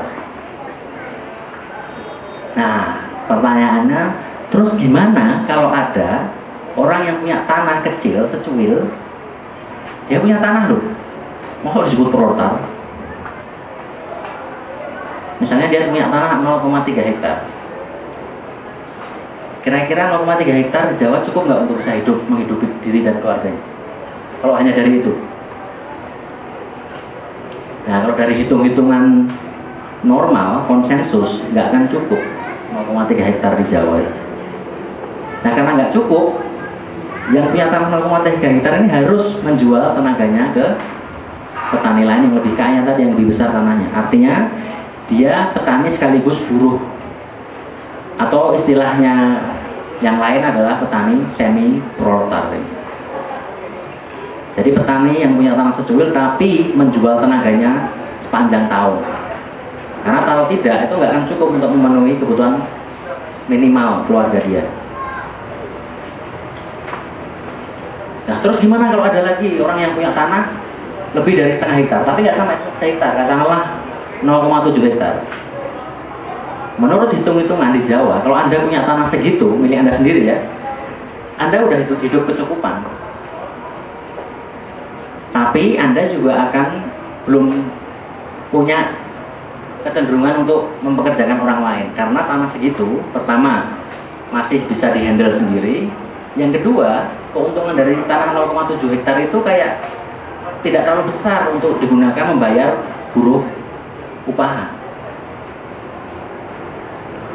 Tetapi kadang-kadang si petani yang punya tanah 0,7 hektar ini yang nanti kita sebut istilahnya adalah petty bourgeoisie, bourgeoisie kecil, petani bourgeoisie kecil ini ini kadang-kadang dia juga menjual tenaganya ke orang lain tapi biasanya hanya sebagai hobi hanya sebagai ya iseng-iseng lah. Sesekali dia juga jadi buruh menjual tenaga untuk orang lain. Tapi itu bukan dilakukan dalam rangka mencari tambahan upah hanya untuk bertani itu enggak, itu hanya sampingan. Sesekali dia juga mempekerjakan orang lain. Jadi yang petani berjuasi kecil ini definisinya adalah mereka yang punya tanah yang tanahnya itu memungkinkan dia untuk hanya sesekali bekerja kepada orang lain sekaligus sesekali mempekerjakan orang lain. Dan petani berjuasi kecil inilah yang digadang-gadang oleh kaum neopopulis sebagai watak ideal yang petani tadi. Watak ideal petani itu harusnya kayak gitu. Kenapa? Karena dia nggak mengeksploitasi orang lain. dan juga tidak dieksploitasi oleh orang lain. Nah ini adalah kelas petani yang di ideal-idealkan itu, yang dibayangkan oleh kaum populis bahwa itulah petani itu ya kayak gitu. Jangan mengeksploitasi orang lain, tapi juga jangan dieksploitasi orang lain. Land to the tiller, tanah untuk penggarap. Ya inilah kira-kira kelas inilah yang menjadi bayangan ideal kaum neopopulis soal agraria itu ya kayak gini. Petani itu harusnya semua kayak gitu, jangan terlalu besar tapi juga jangan terlalu kecil. Masalahnya, ingat, pasar, komodifikasi itu membuat kelas itu tidak stabil. Ada petani borjuasi kecil yang dibayangkan idealnya si kaum neopopulis itu bahkan bisa naik kelas dalam tanda kutip ya menjadi petani kapitalis karena dia dengan tabungannya dengan dia tidak membeli barang-barang mewah dia bisa menabung untuk beli tanah lebih besar lagi sehingga dari tadinya cuma borjuasi kecil dia bisa jadi petani kapitalis. Pada sisi yang lain, awalnya dia petani borjuasi kecil, tapi ketika dia anaknya ingin kuliah ke UGM, jual tanahnya setengah hektar, jadi tinggal punya 0,2 hektar. Dia nggak lagi jadi petani borjuasi kecil sebagaimana bayangan idealnya mulai tadi, karena dia sudah turun derajat dari semi perotak.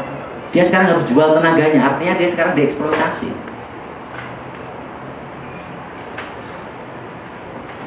Jadi kita tidak bisa membayangkan kelas agraria itu ada tetap statis.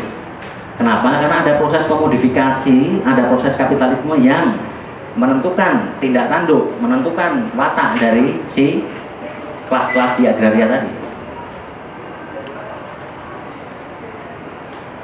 Jadi ini yang harus kita perhatikan ya ketika melihat tadi analisis kelas Marxis untuk melihat dinamika kelas pertanian baik di Jawa maupun luar Jawa.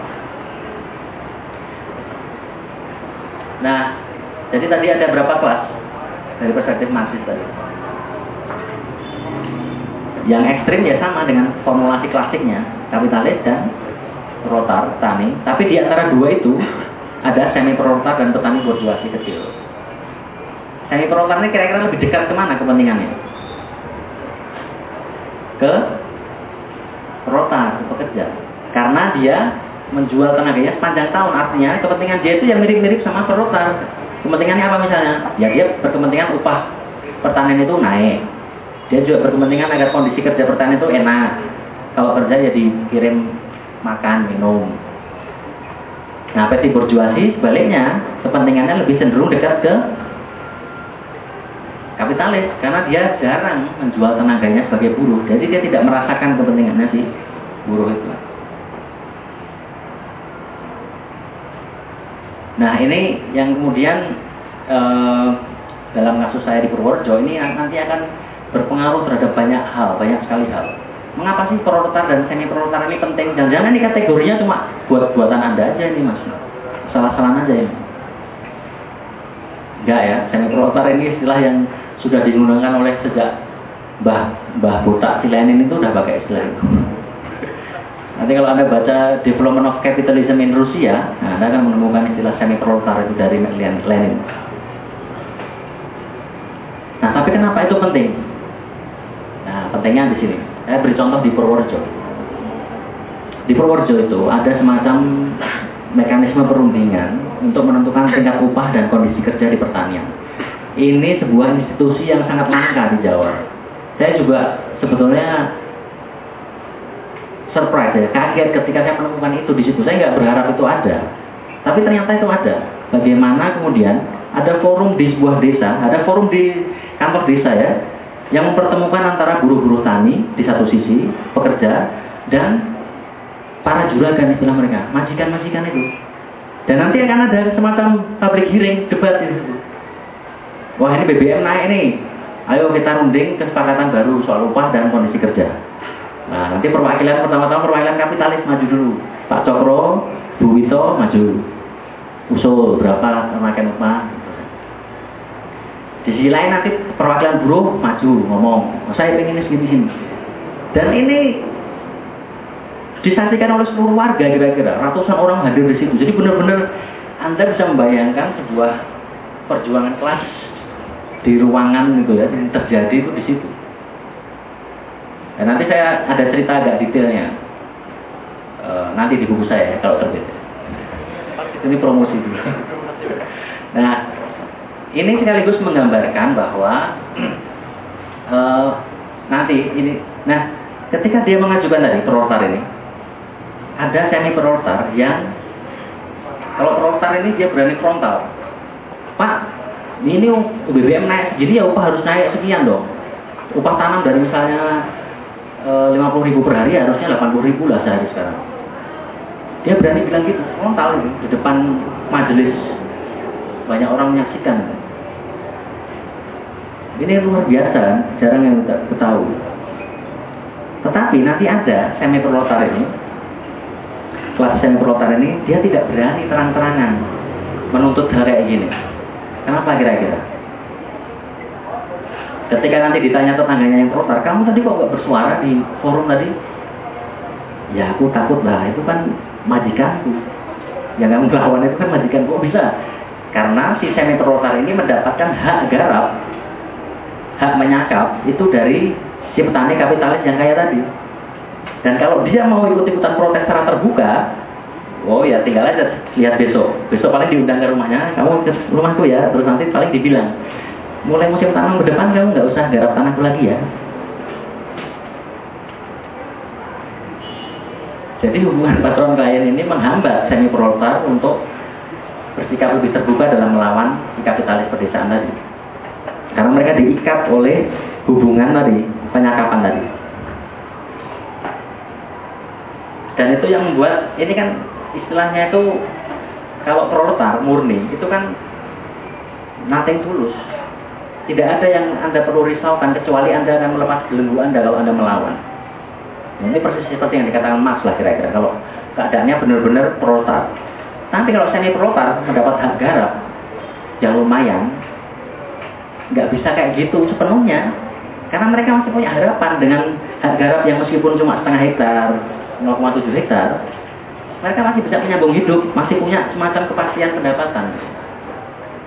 Sehingga kalau resikonya besar, kalau dengan protes itu mereka akan kehilangan hak garap itu, mereka lebih baik tidak protes. Makanya ini membuat mengapa kategori semi perotar dan perotar ini bukan sekedar mengandang-anda, tapi ini ada implikasi politiknya. Termasuk kalau anda sebagai aktivis ini bisa menjadi pertanyaan, terus kalau gitu gimana mengorganisir mereka? kan gitu. Kalau tahu kepentingan material mereka ini tidak pure seperti perotar, tapi ya tentu saja tidak akan berpihak ke kapitalis. Tapi apa kondisi-kondisi yang membuat kira-kira dia ini bisa berpihak kepada perotar? Nah itu nanti yang menurut kawan-kawan yang terlibat dalam advokasi itu mendiskusikan.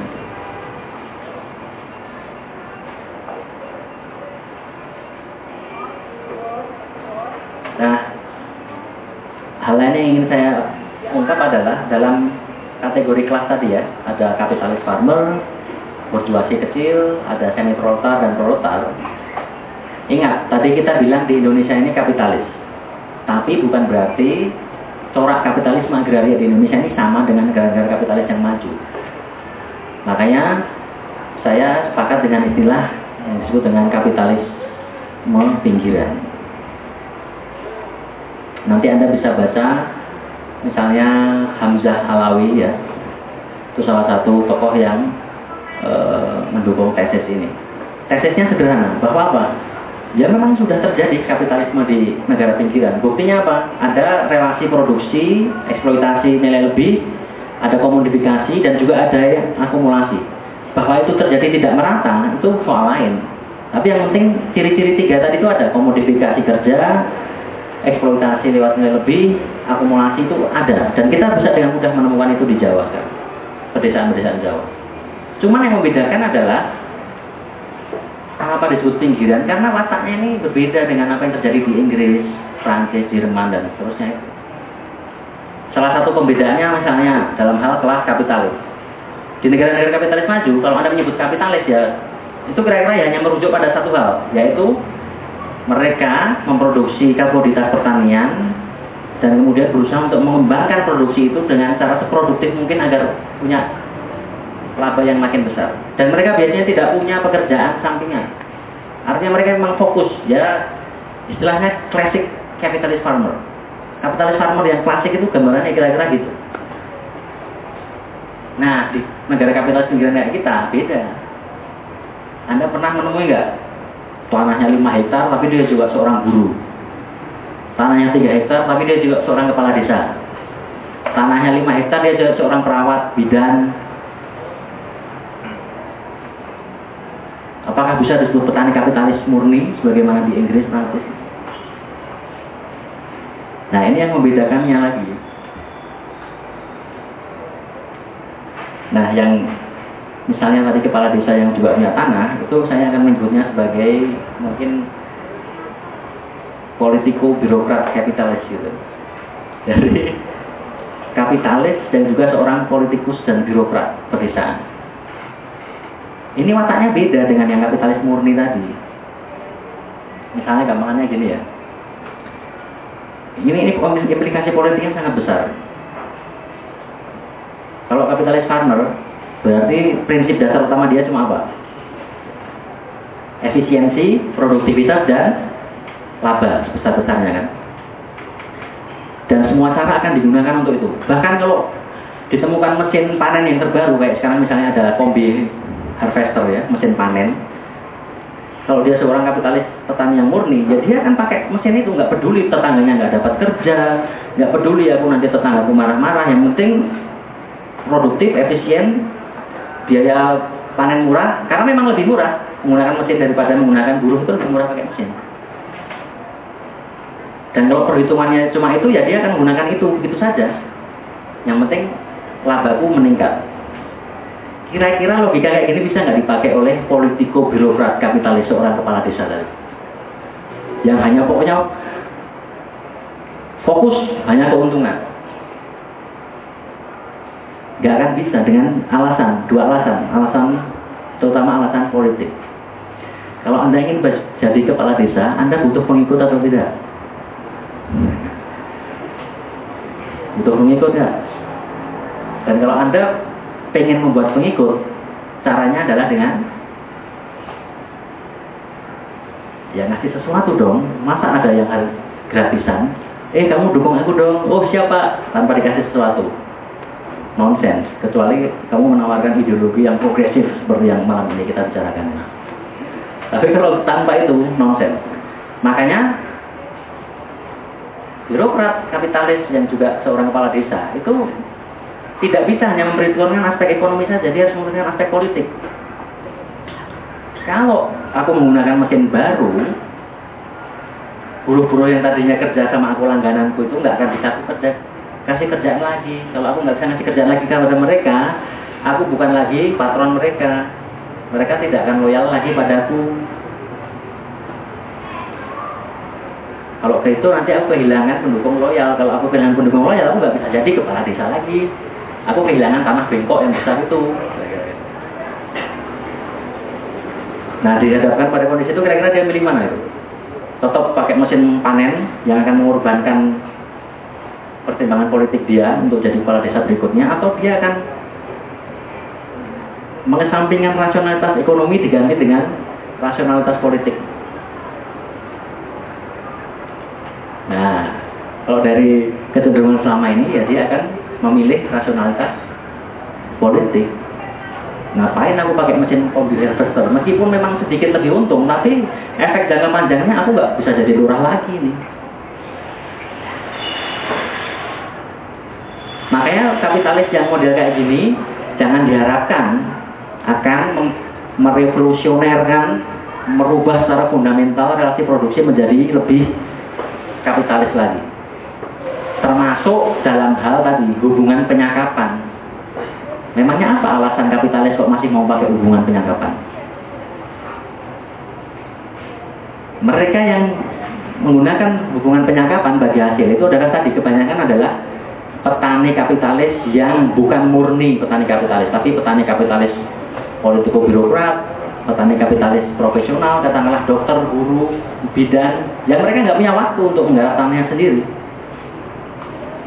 sehingga dia kemudian menyakapkan itu ke orang lain. Nah kalau dari perspektif politik yang birokrat tadi, pertimbangannya lebih ke aspek politik. Itu persis kayak membuat Anda menamah orang menjadi pengikut Anda. Kalau Anda punya 10 saja penggarap ya, aku punya 5 hektar. Aku kasih aja masing-masing orang setengah hektar. Sudah punya 10 pengikut loyal. Gitu. Eh kamu garap ini ya, kamu garap ini, kamu garap yang sana, kamu garap yang sana. Panen sudah dikerjakan, nanti kalau pas pilkada bisa dimobilisasi untuk mendukung. Saya.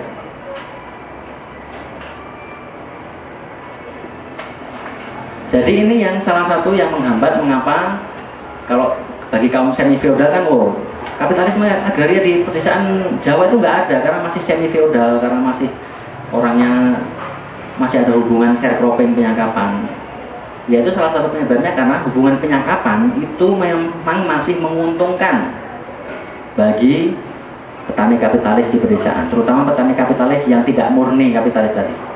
Tapi yang nyambi jadi politiko birokrat yang nyambi jadi profesional ya guru bidan dokter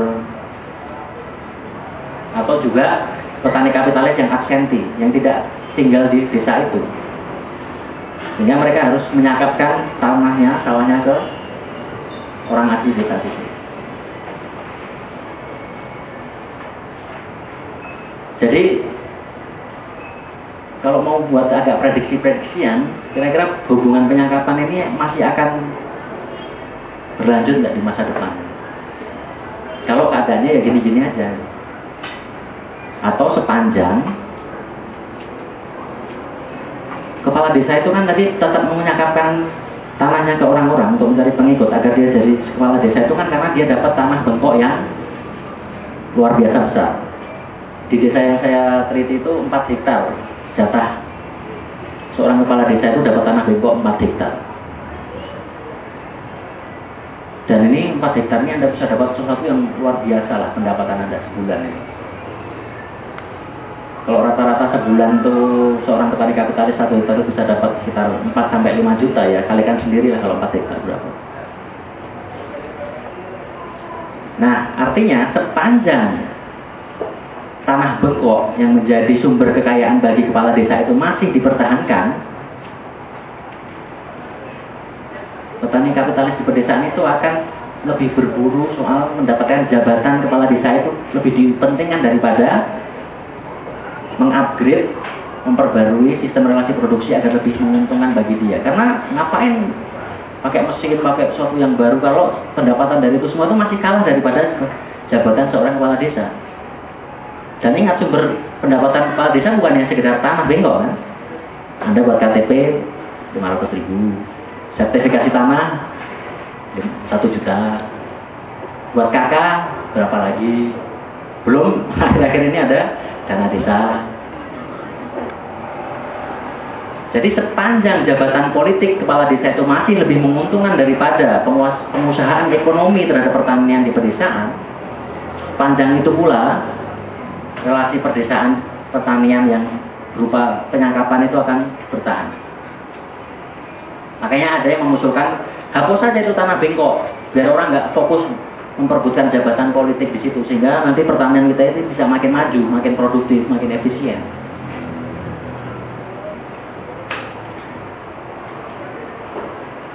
Nah itu salah satu pandangan yang apa e, berakar dari tadi ya melihat bahwa kapitalis di pedesaan Jawa ini tidak serta merta hanya kapitalis satu jenis yaitu kapitalis murni kayak yang ada di negara-negara kapitalisme. Terakhir poin yang ingin saya sampaikan adalah terus apa? So what? Terus kalau kita tadi bicara soal oke okay, kita sekarang dalam zaman kapitalisme bahwa petani itu sekarang bukan lagi peasant yang subsisten sekarang adalah farmer yang terkomodifikasi yang diharuskan untuk produktif, efisien, mengejar keuntungan sehingga mereka mengalami diferensiasi kelas. Ada yang jadi petani kapitalis yang mengeksploitasi, ada yang dieksploitasi yaitu petani proletar. Dan di antara dua itu ada petani borjuis kecil, petani semi proletar yang kepentingannya mengikut ke salah satu induk tadi. Terus apa yang mau kita tonjolkan? Kalau kita menerima tesis-tesis tadi. Saya kira yang paling pertama, kalau kita bicara soal studi ya, implikasi ke studi, kita sudah terlalu banyak studi-studi yang membahas soal tadi. Petani di satu sisi, vis-a-vis korporasi dan negara. Dan kita juga sudah tahu tadi implikasinya kalau kita terlalu fokus ke situ, kita tidak akan punya lagi pemahaman soal internal relasi produksi pertanian antara majikan dan pekerjanya. Dan kalau itu terjadi terus-menerus, kita implikasi berikutnya sangat gawat. Kita akan buta terhadap relasi eksploitasi yang ada di situ. Memang tidak heroik. Ayo, lawan Pak Cokro yang punya tanah 2 hektar. Dibanding lawan Abu Rizal Bakri yang punya puluhan juta hektar. Tapi kalau itu tidak diakui dan tidak dimulai dari yang paling kecil, bahwa ada eksploitasi di situ dan terjadi proses depolitisasi, karena mereka mereka tidak tahu apa yang harus mereka kerjakan, dan mereka tidak tahu bagaimana harus protes. Ya, mereka tahunya hanya bentuk protesnya ya ngomongin di belakang, ngerasani bahasa Jawanya. Mereka tidak punya imajinasi bagaimana dulu di zaman 50-an, 60-an ketika BTI ada dan ngasih tahu bahwa Anda itu dieksploitasi, Anda itu posisinya adalah pekerja dan Anda itu perlu memperjuangkan hak Anda. Sekarang itu nggak ada lagi. Karena studi-studinya sudah melegitimasi ya, seolah-olah melegitimasi bahwa petani itu ya komunitas satu komunitas yang kepentingannya sama. Padahal kenyataannya tidak seperti itu. Nah jadi kalau Anda menerima tesis ini, maka mestinya belakangan nanti, Anda kalau mau mengerjakan skripsi, tesis, disertasi, Anda bisa memulai dari premis tadi. Premis bahwa petani itu sekarang bukan petani yang subsisten loh. Petani yang sekarang ini adalah petani sebagai produsen kecil komoditas yang disituasikan oleh hukum pasar yang memaksa mereka harus individualis, kompetitif, produktif, mengejar keuntungan yang implikasinya mereka akan terdiferensiasi dalam kelas-kelas sosial yang berbeda ada yang mengeksploitasi, ada yang dieksploitasi. Dan di situlah Anda justru harus menstudi bagaimana semua itu terjadi. Bagaimana si kapitalis berusaha merekrut dan mengeksploitasi. Bagaimana si buruh berusaha melawan, memperjuangkan hak-haknya. Termasuk bagaimana implikasinya kepada perubahan relasi produksi di pertanian. Paling tidak Anda harus mulai menulis menulis kayak gitu menulis nasib pekerja di pertanian, menulis bagaimana mereka susah payah di bawah terik matahari harus mencangkul, harus menanam, harus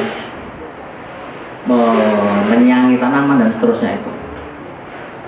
Jadi bukan cerita-cerita soal Jokowi, Prabowo, elit-elit yang sebenarnya tidak ngapa-ngapain, yang ongkang-ongkang aja. Tapi menurut saya selemah-lemahnya iman, anda harus mulai menulis soal mereka yang sebenarnya berkontribusi besar terhadap masyarakat kita. Siapa? Pekerja. Dan kita semua sebenarnya adalah mayoritas adalah pekerja. Jadi paling tidak ada menulis soal mereka-mereka yang berkontribusi real, mereka yang berusaha payah mencangkul sawah, yang berusaha payah menanam, yang hasilnya tidak cukup bahkan untuk mempertahankan hidup mereka. Jadi mungkin itu yang apa ya selalu coba saya tekankan kalau ada mahasiswa yang diskusi itu lemah-lemahnya iman itu cobalah tulis terhadap nasib-nasib pekerja. Di semua sektor. Pabrik, sawah, buruh informal, buruh laundry dan sebagainya. Termasuk buruh restoran dan sebagainya. Karena semua sebenarnya mereka ya pekerja kayak kita. Saya ya juga buruh juga. Jadi kalau kita dengan menulis cerita-cerita soal pekerja itu paling tidak itu memuaskan imajinasi masyarakat bahwa yang penting itu bukan Prabowo Jokowi. Yang penting adalah bagaimana ini loh ada yang namanya sistem orang-orang yang disuruh bekerja oleh orang-orang yang segelintir ini tapi hasilnya yang besar itu cuma dimiliki oleh orang yang segelintir ini. Dan itu kan terbukti dari ketimbangan kita ketimbangan di level nasional maupun global. Dan itu yang kita luput. Kita ceritanya sama Jokowi, Prabowo, aduh, mereka semua pengusaha mereka bagian dari oligark. Jadi lebih baik kita turunlah ke desa-desa, turunlah ke pabrik-pabrik, nulis nasib pekerja, nulis dari perspektif mereka, agar imajinasi publik ini terbangun bahwa kontributor terbesar bagi masyarakat itu adalah pekerja, bukan pengusaha. Terima kasih.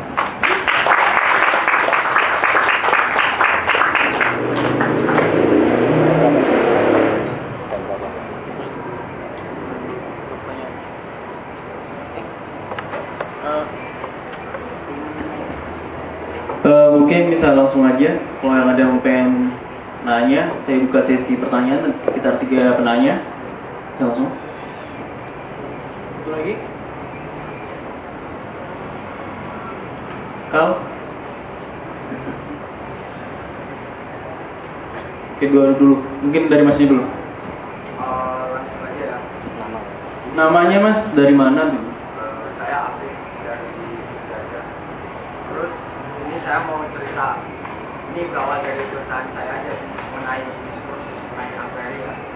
Nah, diskursus ini nih di lingkungan saya dianggap kurang seksi gitu ya.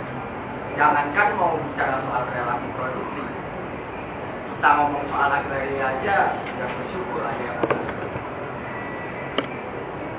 tapi saya senang melihat forum kali ini ramai uh, gimana pendapat anda soal diskursus ini lingkungan saya sebab apa karena sebab apa diskursus ini baru ramai ketika ada aksi subversif berhadapan dengan pemerintah atau korporasi. Terus yang kedua, ini soal di anak tirikannya sektor pertanian, menyoal tentang program dana desa. Dari apa yang saya dapati di suatu desa, anggaran dana yang dialokasikan untuk sektor pertanian itu sendiri sangat sedikit dibanding untuk pembangunan infrastruktur konsep mengenai pembangunan yang dipahami saat ini itu melulu mengenai pembangunan fasilitas. Padahal suatu desa itu perekonomi perekonomiannya ditopang oleh sektor pertanian. Dan adanya alokasi itu merujuk pada uh, suatu keputusan dari elit itu keputusan-keputusan yang mereka ambil itu memang sangat bias elit.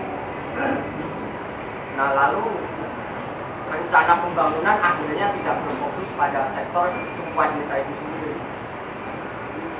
Bagaimana pendapat Anda mengenai dua fenomena tadi?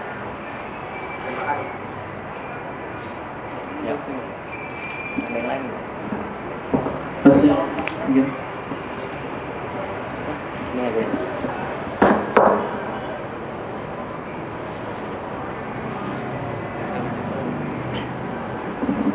Nama ya, dan kantor. Yang tadi bisa Alif. Benar. Kantor. Kantor. Kantor. Oke, Assalamualaikum warahmatullahi wabarakatuh.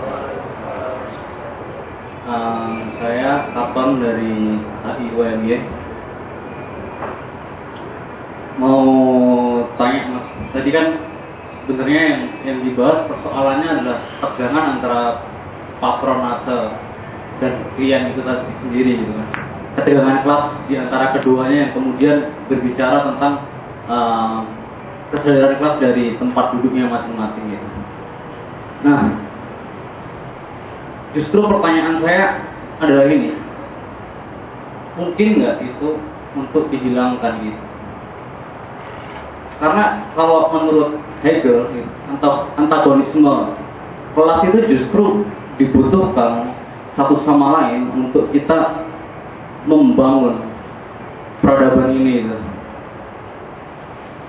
Kemudian uh, menurut logika Keynesian gitu, bahwasanya di dalam sistem pa pasar itu sendiri ada kondisi homeostatis yang memang tegangan itu harus dipertahankan secara terus menerus untuk um, ada disparitas biar pasar terus berevolusi dengan investasi. Kalau logikanya Marx kan uh, dengan sosialisme adalah ketegangan ini kemudian hilang gitu. Kelas kemudian hilang gitu saya pikir nggak ada competitiveness di situ gitu nah solusi apa yang mungkin bisa anda tawarkan dari dilema semacam itu ketika kita bicara tentang logika Keynesian tentang uh, tergelincirnya perekonomian ke dalam resesi global karena uh, sorry mas butuh formulasikan lagi.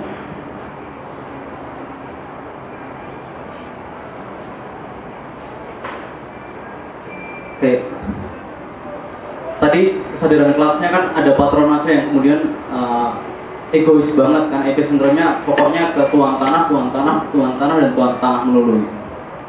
Saya saya sedang berpikir bukankah daya beli juga penting untuk dipertimbangkan di situ di mana gue nggak bisa tuh gaji buruh di bawah standar daya beli yang mungkin akan beli produk saya ini. Jadi pertanyaannya tadi mas, apakah kesadaran kelasnya ini benar-benar egois ataukah dia memperhitungkan ada dua bangku yang sama-sama bersimbiosis untuk diuntungkan di situ. Oke. Okay. Waalaikumsalam warahmatullahi wabarakatuh. Ya. Uh, jelas dulu mas, sorry apa juga? Boleh diulangi nggak? Satu kalimat aja. Kalimat, tapi paham mas maksudnya. Ada bonus kelas biar hilangin mas. ya, itu kan yang pertama. Yang kedua, kedua tuh tidak apa Um, apakah tadi pertanyaannya ini ini kelasnya egois nggak gitu? kelas yang mana? Kelas yang patronase tadi, kan seakan kan dia dia selfish banget gitu. Yang semi proletar tadi maksudnya. Uh, enggak, yang borduis, borduis. Um, padahal kan kalau misalnya pakai logikanya Keynesian itu uh, dibutuhkan untuk menjaga homeostatis dari sistem pasar itu sendiri loh. Kita nggak bisa uh, gaji orang itu rendah banget padahal kita harus mempertimbangkan daya beli dari orang lain itu agar uh, ada akumulasi kapital gitu. Oke, terima kasih. Nangkep. Oke, mulai Ya, mungkin mungkin nangkep. Oke.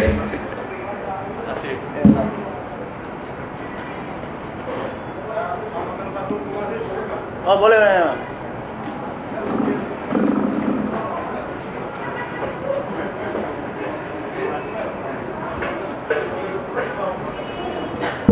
Ya, uh, terima kasih selamat malam teman semua. Ya, uh, mungkin uh, saya nggak tahu apakah pesannya atau bukan. Cuma mungkin tadi saya kurang begitu fokus mendengarkan apa yang disampaikan Bung Habibie masalah kelas tadi. Terutama antara uh, konsepnya Weber dan Marx. Nah, justru yang saya agak kurang fokusnya itu begini. Kalau Bung Habibie mengatakan kalau uh, Weber dengan contoh Jack tadi akan terjadi bolak yang tidak imbang semacam itu. Hari ini kapital, besok proletar semacamnya. Uh, saya rasa penjelasan berdasarkan Marx tadi dengan rasional tadi, bagi saya itu agak mirip. Cuma perbedaannya di tengah waktunya aja gitu. Tapi persoalan kapital dan uh, apa itu turunannya itu sama aja gitu. Artinya mungkin ada yang tengah waktunya mungkin bertahan agak lama karena saya juga nggak paham juga kemudian apakah ada yang uh, seumur hidupnya menjadi kapital semua segala macam karena banyak juga yang kemudian mungkin setahun dia menjadi seorang kapital kemudian jatuh dan kemudian berubah menjadi kan seperti itu. Nah itu yang pertama tentang hal-hal. Yang kedua kan begini, ada beberapa persoalan kemudian masalah agraria itu yang mungkin agak bagi saya sendiri juga agak membingungkan kemudian apakah ini kita katakan proletar, semi proletar segala macamnya. Karena menurut saya sendiri juga eh, mungkin bisa jadi ada lagi yang di bawah proletar itu bisa jadi gitu. Karena faktor uh, kenyataannya gitu. Ada yang walaupun tadi dikatakan mungkin kalau dia punya 0,3 hektar itu orang bisa hidup. Artinya eh, nggak mungkin juga hal tersebut dia akan berubah menjadi kapital kemudian. Tapi ada orang yang rela mengerjakan tanah walaupun hanya 0,3 hektar gitu. Ada orang yang rela gitu. Ini hampir sama kalau kita melihat uh, di kelas kerja. Ada orang yang rela tetap bekerja, walaupun kemudian dia tahu gajinya itu nggak lebih jauh dari tengah dari UMR-nya gitu. Karena pikiran ini timbang saya ngapa-ngapain itu gimana gitu. Ada yang rela. Nah ini kelas-kelas seperti ini gimana lagi kalau kita mengatakan itu? tentunya ini juga berbeda mungkin kalau tingkat kelas atau bisa nggak saya kategori ini masuk dalam yang Bu Habibie uh, sampaikan di sebelumnya saya tentang keuangan dan segala macamnya. Nah hal-hal ini, ini saya ini ada faktanya. Nah kira gimana cara kita melihat soal ini dan seperti apa apa itu uh, coba mungkin uh, solutif-solutif yang keluar dari soal ini. Oke itu aja. Terima kasih.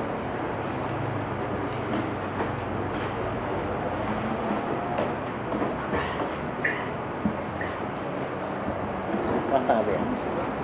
Ya. Oke, saya mulai dari Bung Melki yang terakhir, jadi masih ingat ya.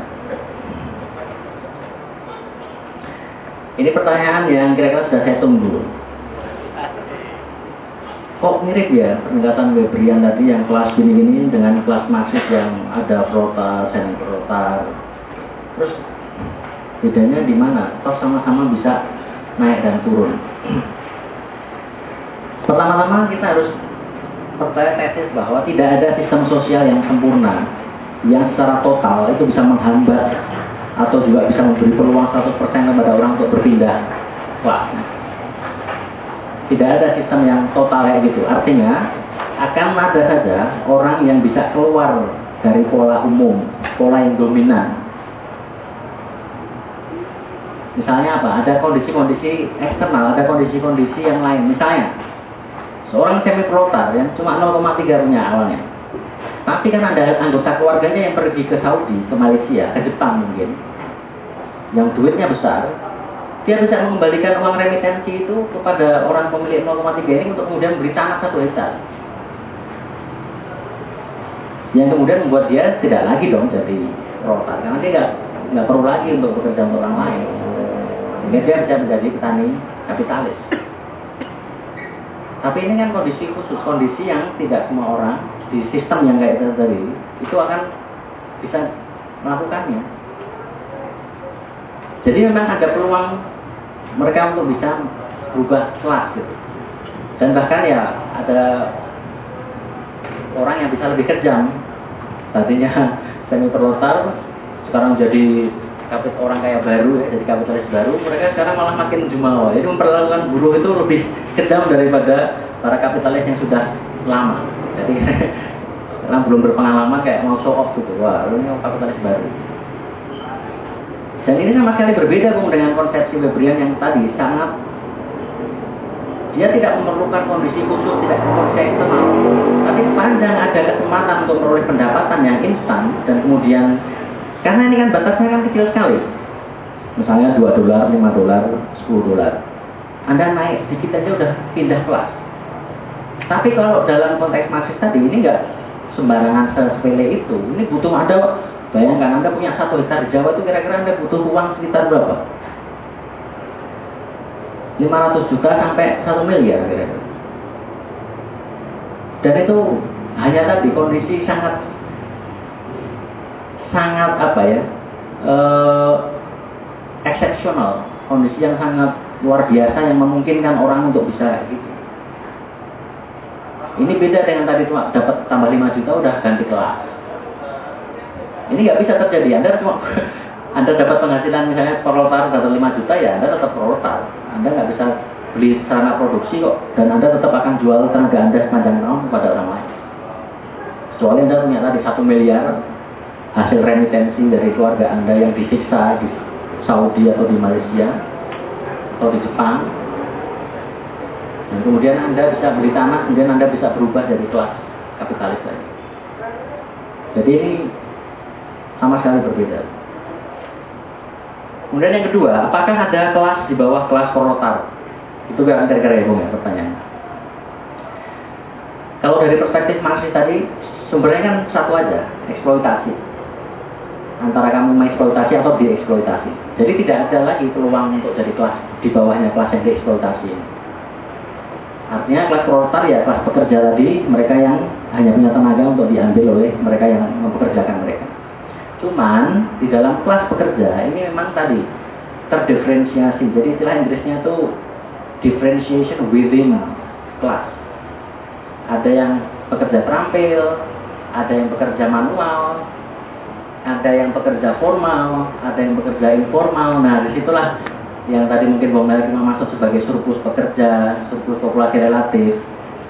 Pekerja informal itu sebenarnya mereka adalah bagian dari kelas pekerja, tapi yang memang menempati posisi yang one put jauh lebih rentan.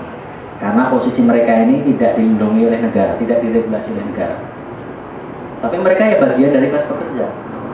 Hanya saja mereka memainkan fungsi yang agak berbeda dengan pekerja aktif istilahnya maksud. Pekerja formal yang di pekerja aktif ini memainkan peran di sektor produktif kapital untuk memproduksi nilai lebih. Sementara mereka yang bekerja di sektor formal, mereka ini disebut sebagai tentara cadangan pekerja ya. Jadi ya pekerja ya cadangan aja, pekerja informal ini, yang secara tidak tidak secara langsung memproduksi uh, nilai lebih yang signifikan kira-kira. Jadi ini kelas pekerja ini terdiferensiasi ke dalam beberapa jenis rezim produksi yang berbeda yang memang justru itulah yang membuat pengorganisasian untuk menyatukan mereka ini makin susah terutama dalam konteks negara pinggiran. Karena dipecah belah pekerja formal, informal, pekerja yang lebih terdidik dengan pekerja manual. Kalau di negara maju ya diferensiasinya paling dasarnya tadi pekerja manual sama terdidik keterampil, eh, tenaga terampil, tenaga tidak terampil kalau negara pinggiran itu ditambah tadi rezim produksinya berbeda di rezim produksi formal dan yang informal. Guru-guru laundry Anda yang sering Anda minta bantuan untuk nyuci, itu kan nggak pernah demo tingkatkan upah UMR Jogja. Nggak pernah kan? Beri kami hak pensiun. Nggak ada. Karena mereka dalam rezim produksi formal yang itu tidak diregulasi oleh negara. Ini berbeda dengan mereka yang ada di pabrik, di perusahaan-perusahaan besar, yang negara mengatur dan mengharuskan mereka untuk punya sistem identifikasi dan punya sistem jaminan sosial, punya baseline upah minimum dan seterusnya itu. Sehingga mereka bisa demo, bisa menuntut karena itu diatur dalam undang-undang. Sayangnya itu tidak semua, ya mayoritasnya bahkan tidak diatur oleh undang-undang. 60% tenaga kerja kita ya kerja di sektor informal itu. Atau istilahnya informal proletariat itu ya. Itu Bung Magi ya. Kemudian dari Bung Afin diskursus agraria kenapa baru ramai setelah konflik gitu ya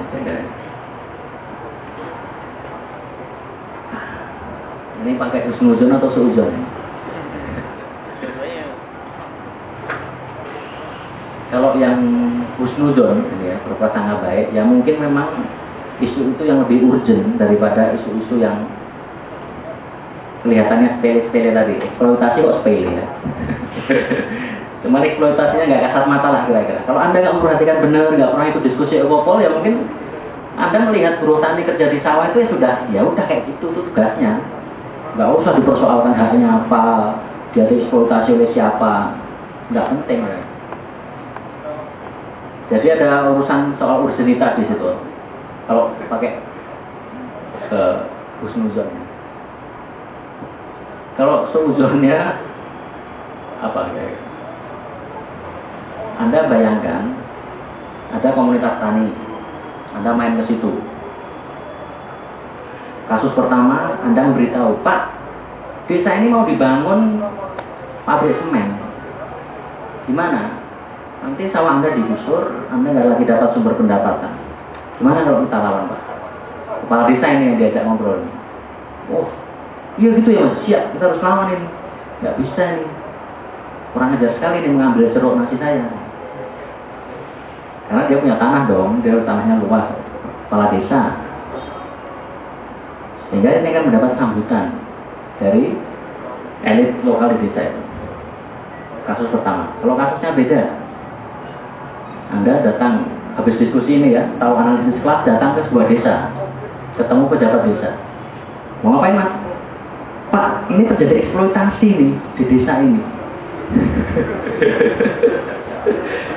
ini pejabat-pejabat elit-elit kapitalis birokrat pedesaan ini menghisap buruh-buruh tani Anda ngomong itu di hadapan pejabat desa. Kira-kira diapakan Anda? Anda mungkin nggak bisa pulang dari desa itu. Jadi memang tantangannya lebih berat, lebih susah. Anda nggak bisa mencari teman yang bersahabat kalau Anda meneliti sebuah eksploitasi di tempat itu. Terutama kalau ketika akses masuk Anda ke situ, itu harus melalui mereka yang berkuasa di situ. Jadi tantangannya lebih berat. Makanya tidak banyak orang yang mau melakukannya. Ngapain cari perkara? Datang ke pedesaan kok nyari musuh elit-elit. Lebih baik berkawan dengan mereka nanti dapat ya siapa tahu anak gadisnya belum menikah atau anak lelakinya juga belum menikah. Jadi lebih baik beraliansi dengan mereka daripada harus menentang mereka. Nah, tantangannya lebih susah. Tapi kenapa dulu di zaman 50-an 60-an BTI kok bisa melakukannya?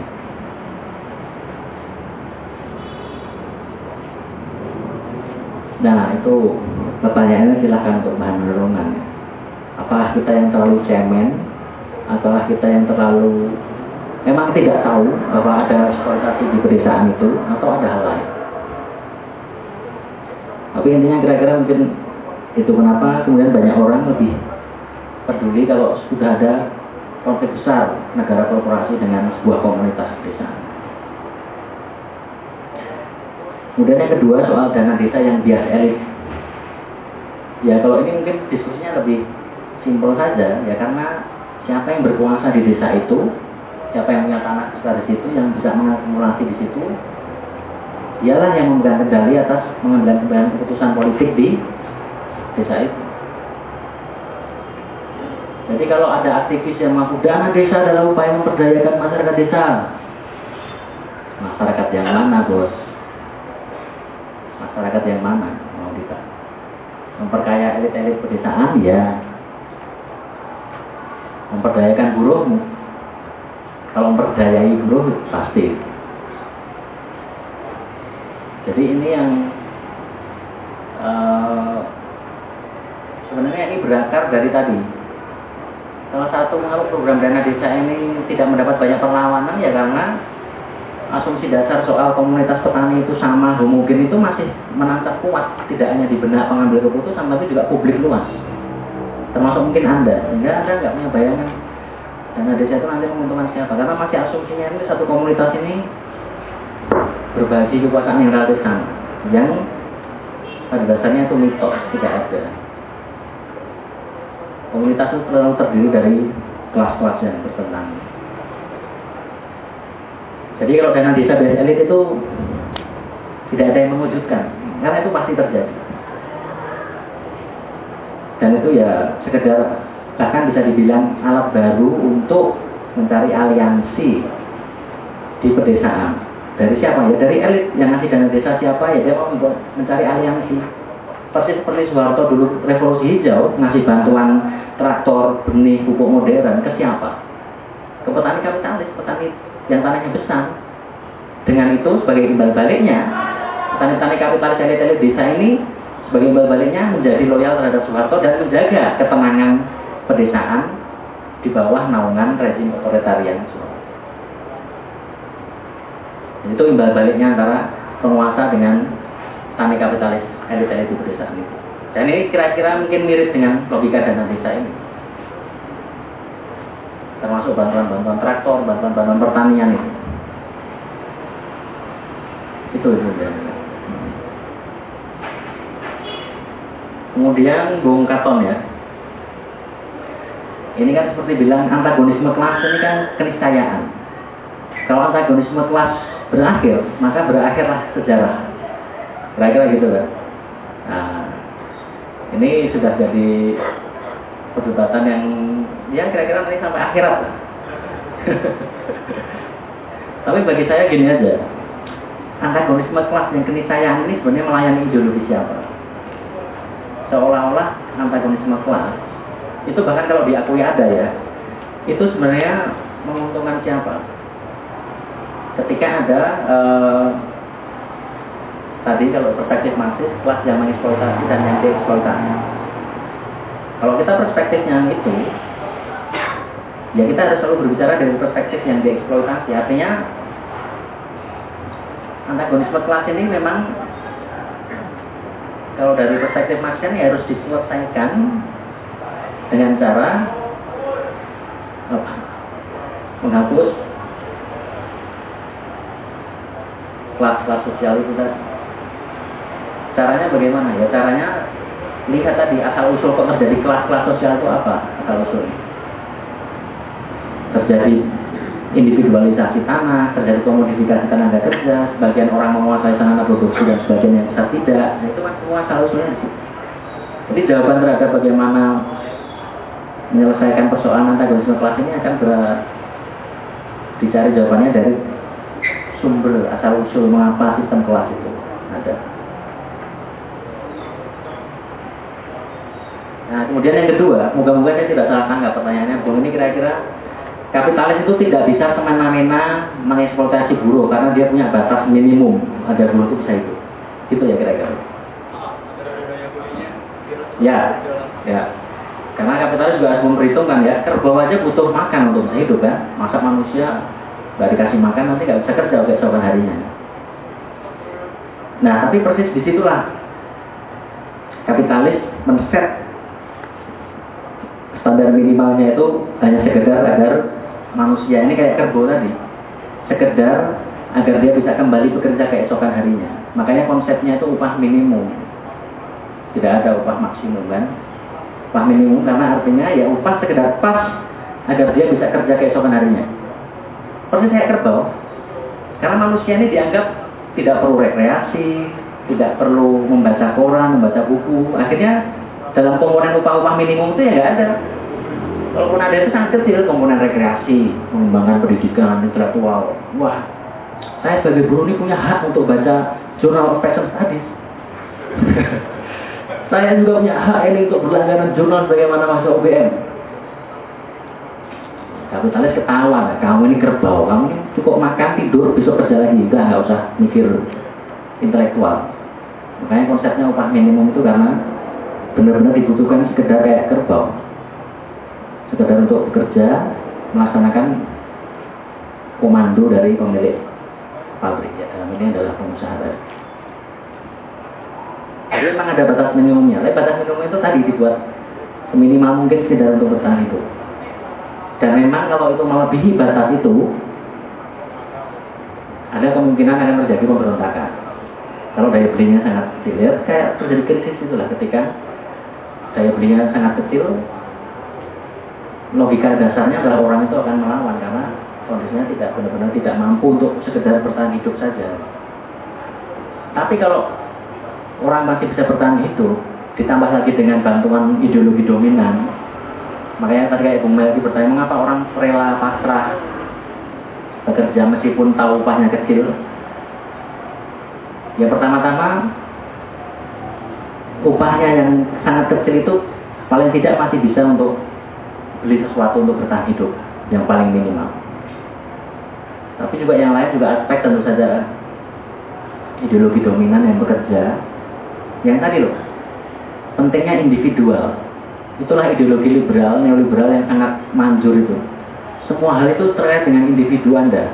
Jadi kalau Anda miskin, Anda gagal dalam hidup ini, itu salah Anda sendiri bukan karena salah sistem sosial yang membatasi akses Anda terhadap tanah, akses Anda terhadap pendidikan, akses Anda terhadap kesehatan. Itu salah Anda sendiri. Makanya kemudian ada semacam timbul kepasrahan. Oh iya ya, mungkin aku kurang bekerja keras, mungkin aku kurang inovatif, mungkin aku kurang. Jadi kalau Anda mulai merasakan itu, menyalahkan diri Anda sendiri, nah mungkin Anda mulai mulai mengidap penyakit. Aduh, aku ini kurang, kurang Oke, mungkin itu. Oke. Karena keterbatasan waktu, uh, sekian mungkin diskusi malam ini. Wassalamualaikum warahmatullahi wabarakatuh.